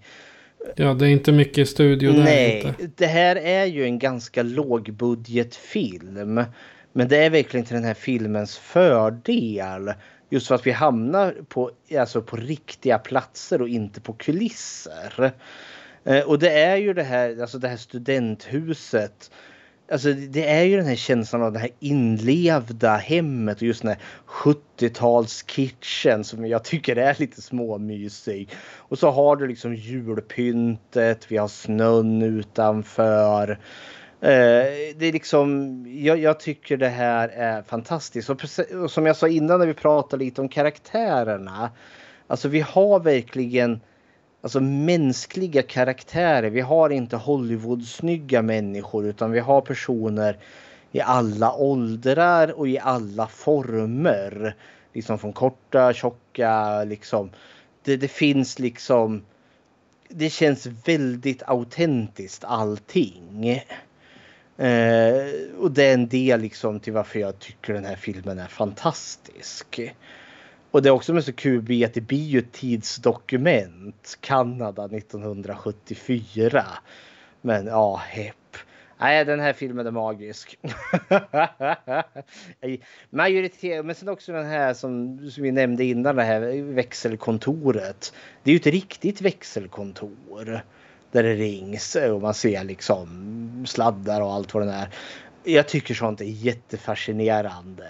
Awesome, awesome, awesome. Ja. Det är liksom ett tidsdokument kan Ja. man säga. Sen ska det väl också till som vi kanske nu bara kan klumpa ihop karaktärerna. Så för skådespelet är ju också bra. Jag tänker, vi nämnde ju Blood Feast. Herschel Gordon Lewis film där. Den är också så här lågbudget filmad på riktiga platser. Men där har du ju skådespelare som inte kan skådespela sig ut ur en blöt papperspåse. Det, är liksom, det gör ju att filmen, ja men det blir lite mer traumastämning över den. Medan den här filmen har ju faktiskt klass. Vilket också får en annan som får mig helt och form fascinera. För nu kanske vi har lite segwayen in till hotet. Billy här.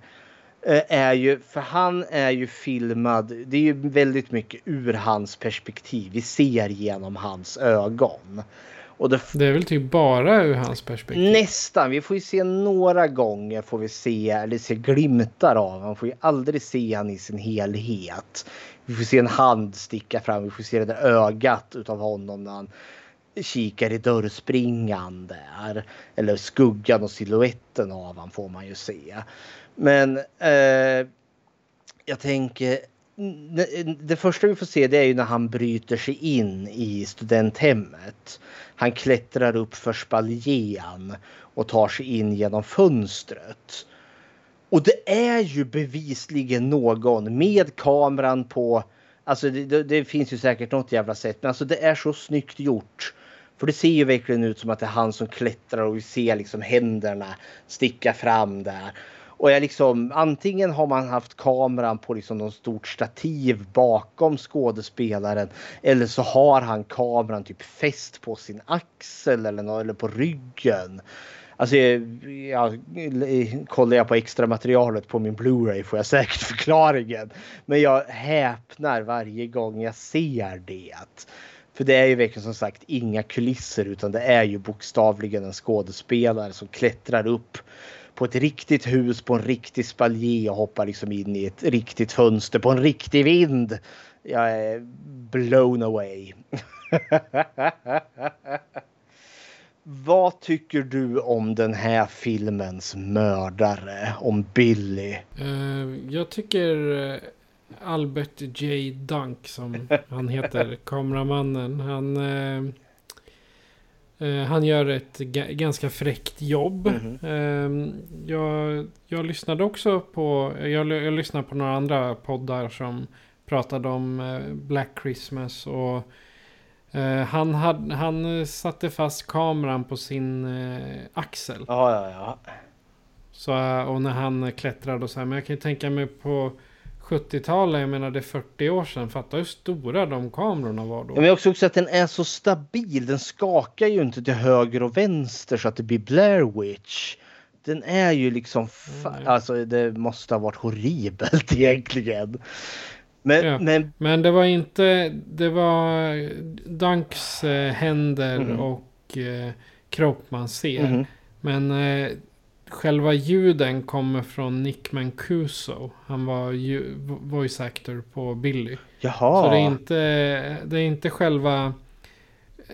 Det är inte han som håller i kameran som gör ljuden. Men herregud, alltså det är en person som gör alla de där rösterna till Billy. För jag trodde verkligen att det var flera personer. Wow, I'm blown away igen här. För, alltså vad tycker du om själva karaktären, den här mördaren Billy? Jag tycker att han är skitobehaglig. Ja, ja, definitivt. Han är, alltså, han är ju lite som Norman Bates kan jag, tänka, Mhm. kan jag tycka. Men Norman Bates han har ju sin eh, skelettet av sin mamma Ja. på, på vinden eller på övervåningen eller vad det är. Och så härmar han hennes röst. Ja. Och liksom kommer med en, eh, med en mopp på huvudet. I am Norma Bates. Ja, nej, men liksom, och Norman kan man ju ändå så ha en normal konversation med. Ja. Billy är ju, alltså det är ju bara avgrundsdjup galenskap. Alltså Billy är ju otäckare, för mig i alla fall, än Jason och Freddy och Myers och alla de där galna. För, för det, det, är de här telefonsamtalen där man hör de här galna, den här fullständigt osammanhängande svamlet. Men det, och så börjar man förstå att det finns ändå som någon form av röd tråd. Men alltså det skrämmer mig mer än något annat i den här filmen. För han är alltså, man får känslan av att det här, jag, jag kan inte, jag kan inte greppa det här. Det går inte att resonera. Det är fullständigt vansinne. Och det tycker jag är skitläbbigt. Eh, Ska vi ta och lyssna på ett exempel kanske? ja, när vi får höra när första gången Bill ringer.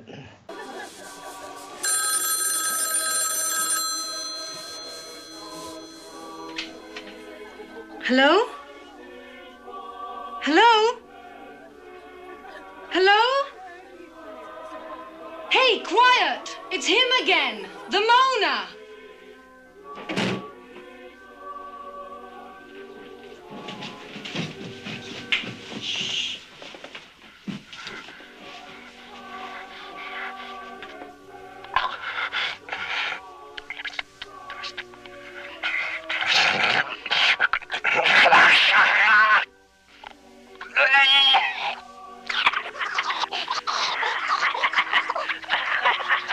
Expanded his act. Could that be one person? No, Claire, that's the Mormon Tabernacle Choir doing their annual obscene phone call.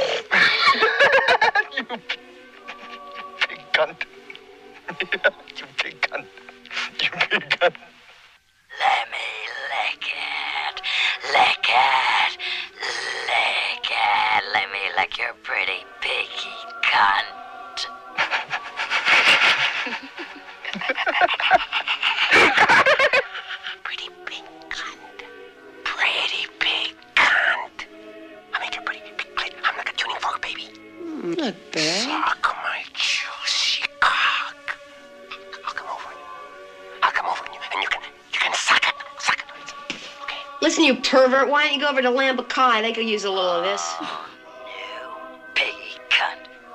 You want my fat cock too? Oh, why don't you go find a wall socket and stick your tongue in it? That'll give you a charge.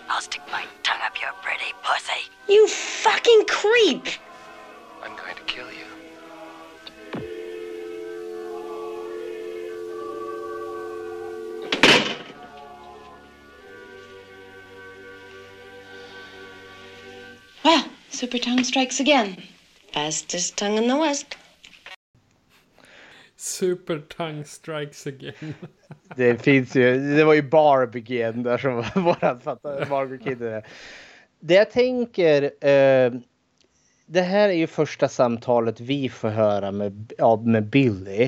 Eh, men de säger it's, it's him again, the moaner, flåsaren är här igen. Men sen när de börjar höra så säger ju Barb, oh he has expanded his act. Han har typ ja, hittat nytt material. Vilket får mig att undra. Har du varit en person som har ringt och typ kåtflåsat i telefonen förut?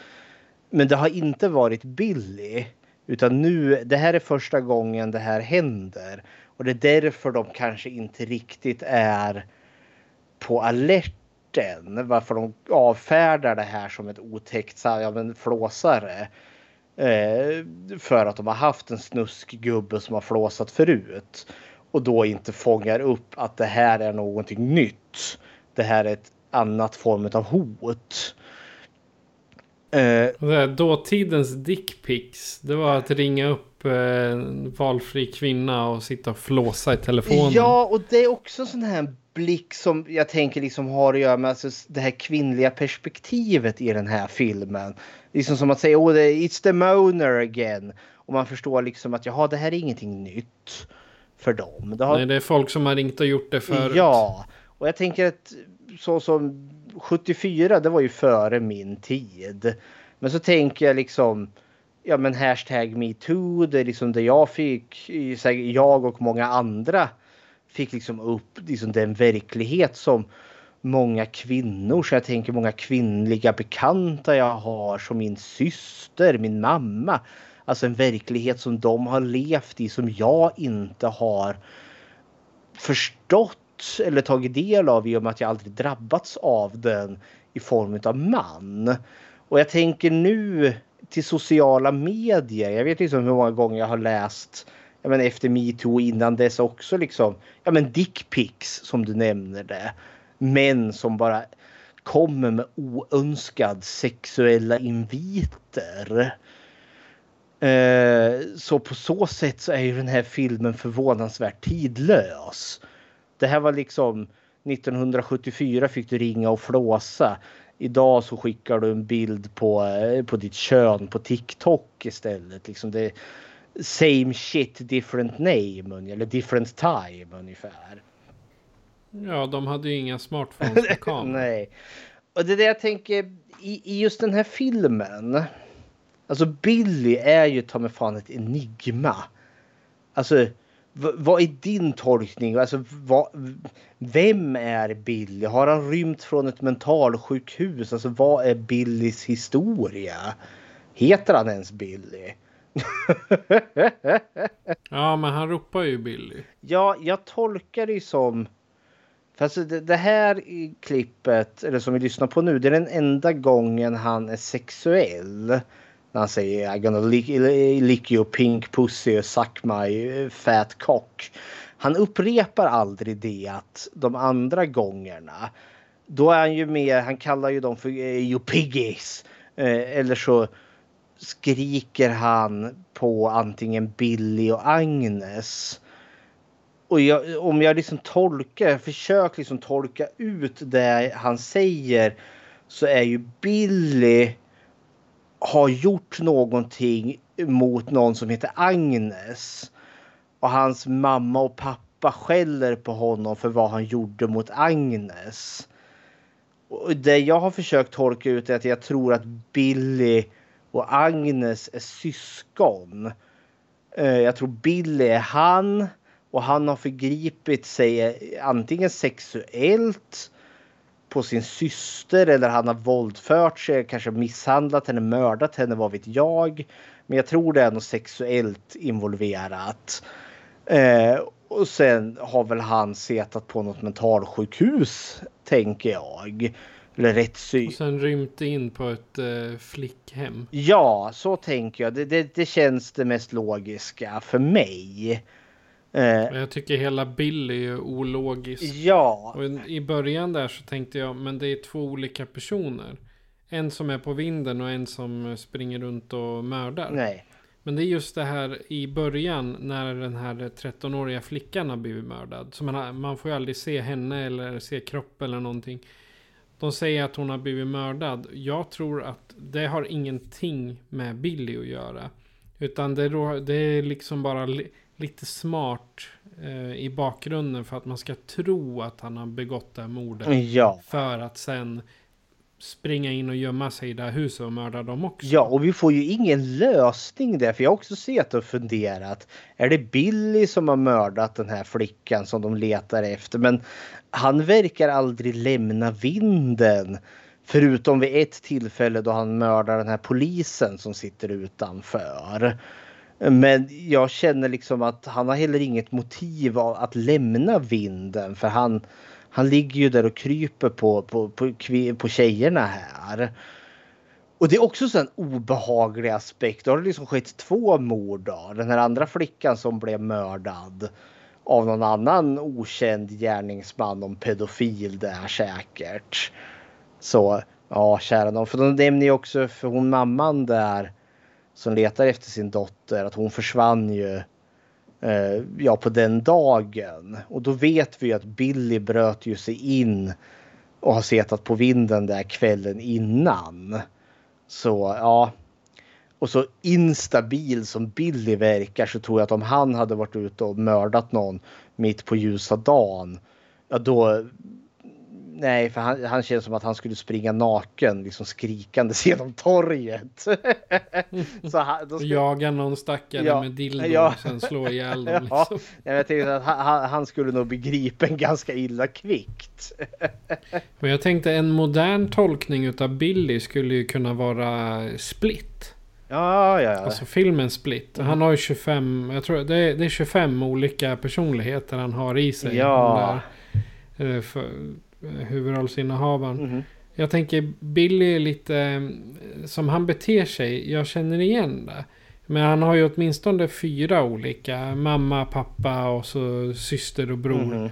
Åtminstone de har han ju i sig. Ja, och han verkar ju också som, om det nu är han som är Billy. Eh, eller om allt det här är fantasifoster i hans huvud. Så talar ju han om sig själv i tredje person. Och det också gör honom obehaglig för han känns så jäkla infantil. Han känns så barnslig. Eh, och det känns ungefär som att det är liksom den en vuxen människa men som innefattar liksom ett sinnessjukt barns sinne. Men som har liksom något form utav jätte, som är jättesugen på sex. Eh, men eh, har liksom ungefär samma förståelse för sex som en åttaåring. Eh, men har liksom en sexualdrift som en vuxen man. Men är fullständigt spritt språngandes galen. Alltså, jag tycker att han är skitobe... Billy, mördaren här, är väl kanske den mest över, eller orealistiska i en ganska realistisk film. Alltså han är den som jag har svårast att liksom se, eh, alltså att koppla i en riktig verklighet. Det är lite som Halloween igen. Hela den filmen, alla Laurie Strode, eh, Lindsay och eh, Linda där. Alltså alla är trovärdiga, hela världen är trovärdig. Men Michael Myers är inte trovärdig. Totally. totally. Men, men det funkar.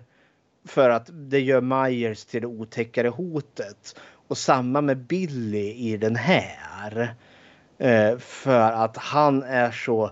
Alltså han är den som, liksom, går över det normala. Och det gör honom skitobehaglig. Alltså det, när, när han ringer och man får höra de här galna monologerna det är obehagligare än morden i den här filmen. Det Väldigt. Ja, det är rent av hårresande att höra hans galenskap. Oj!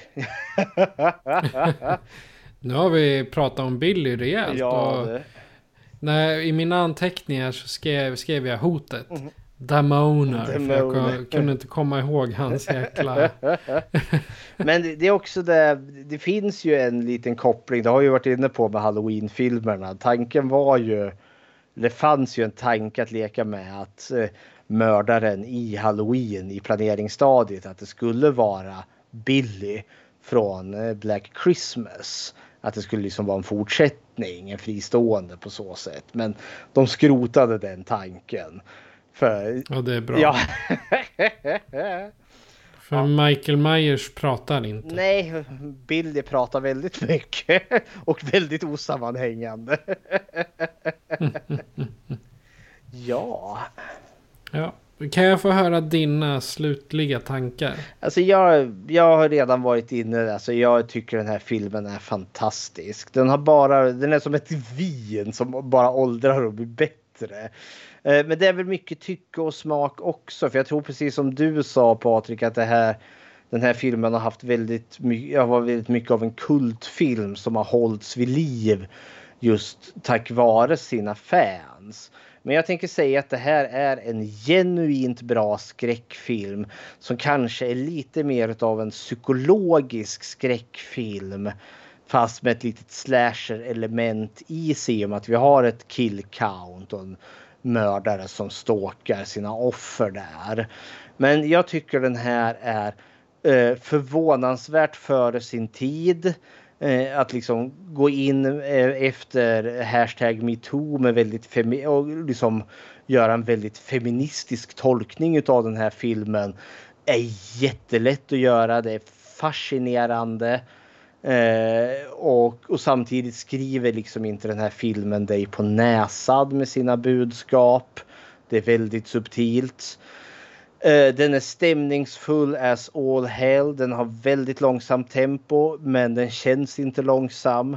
Jag tycker det här, det här är en av mina absoluta favoritfilmer och en av de bättre jul, eh, julskräckfilmer eller skräckfilmer med jultema.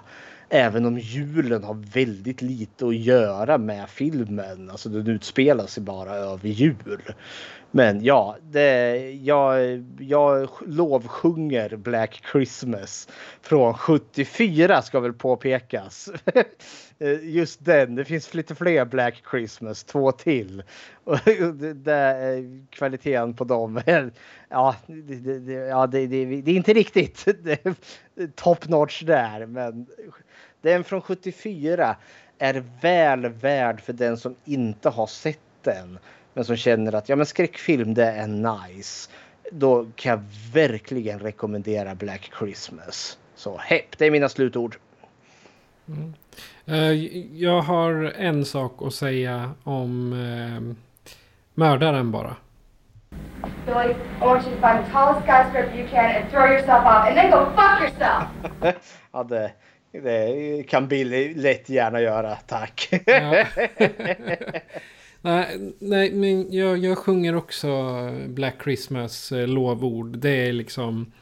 Eh, det är min go-to-go-film liksom. Om man ska visa något för någon som är ny inom skräck. Men, och, men samtidigt tål att det, att det ser läskigt ut. Jag menar, för det är typ ingen... Ingen utav morden är on screen. Det är liksom off-screen kills allting. Och sen får man ju se lite eh, äckliga, eh, jag vet, eh, eh, Barbara och Lynn, nej vad heter Phil. Phil. Phil, ja. Det är deras lilla blomma han har knutit ihop där på sängen. Mhm. Det är nog det mest groteska. Och i och för sig när han hänger upp Mrs Mac i Ja, en jo, krok förvis. också. Det, det är också. Men det här, liksom, det här är en, en skräckfilm som passar oavsett om du är splattergalning eller om du vill börja smått. För hade det här varit en modern, alltså en modernare skräckfilm, säg tio år framåt i tiden. Då skulle ju tjejerna ha gått runt i bara underkläder Mm. hela tiden. Och mördaren stått och tittat lite väl länge på dem. Och Och vi, vi, hade, Inte- vi hade haft en scen när de duschar och mördaren tittar in i nyckelhålet och flåsar. Exakt. Precis så. Men jag har, jag har läst lite andra, andra personers eh, reviews. Och en del klagar på att den går för långsamt. Men jag tror att skulle den här gå snabbare då skulle man inte få med Alltså de eh, som tjejerna, de, jag hejar ju på dem. Mhm. Även efter att de är döda. Liksom. ja, men jag, jag hejar på att jag vill att de ska eh, spöa Billy eller överleva och så. Även om de inte gör det. Mhm.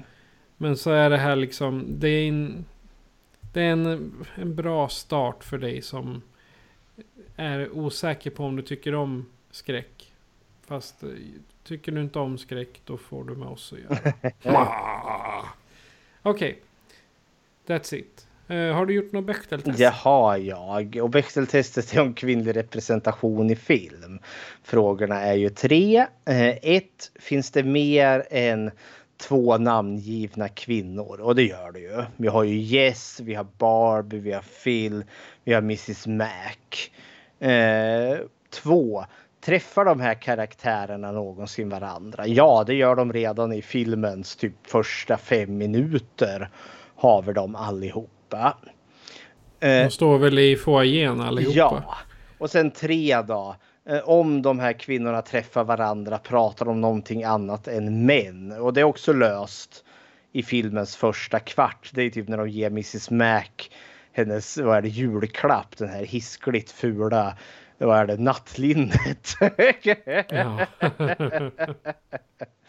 Så Black Christmas föga förvånande klarar Bechteltestet med galans.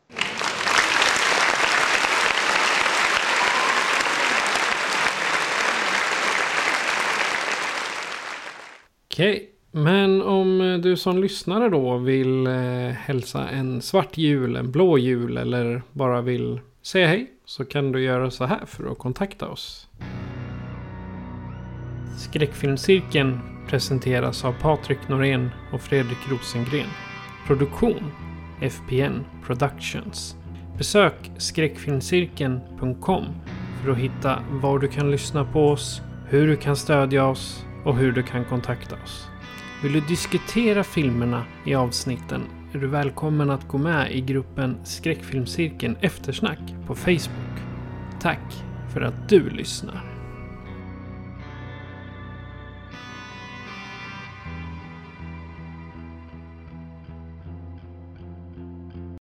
Och Fredrik, vad eh, bjuder vi på nästa gång? Det stundar ju mot jul här nu som Black Christmas här då kanske lite hintar om. Och det är ju dags för avslutning och då är, gör vi ju våran julklappsspecial här, eller våran julklappsavsnitt.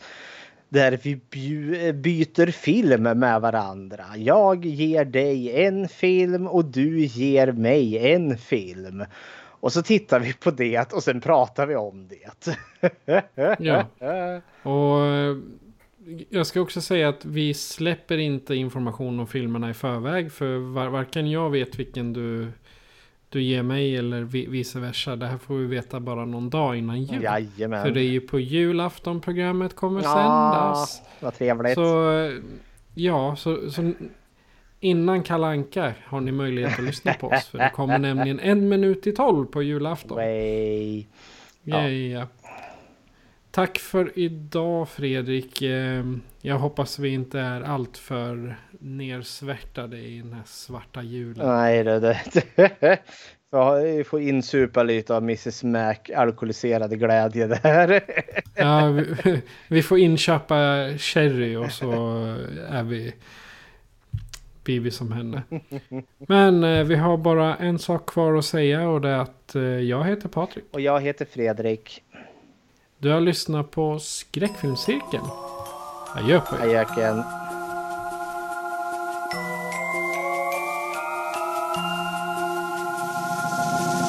Have a bell, sweet silver bells, all seem to say throw cares away. Christmas is here, bringing good cheer to young and old, meek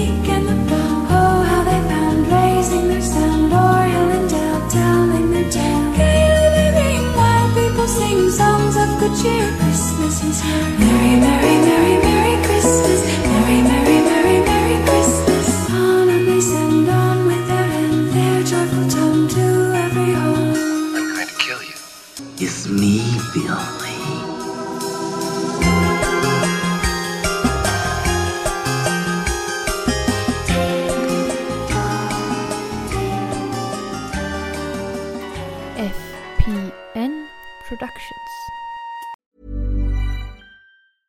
Planning for your next trip? Elevate your travel style with Quince. Quince has all the jet setting essentials you'll want for your next getaway, like European linen, premium luggage options, buttery soft Italian leather bags, and so much more. And is all priced at 50 to 80% less than similar brands. Plus, Quince only works with factories that use safe and ethical manufacturing practices. Pack your bags with high-quality essentials you'll be wearing for vacations to come with Quince. Go to quince.com slash pack for free shipping and 365-day returns.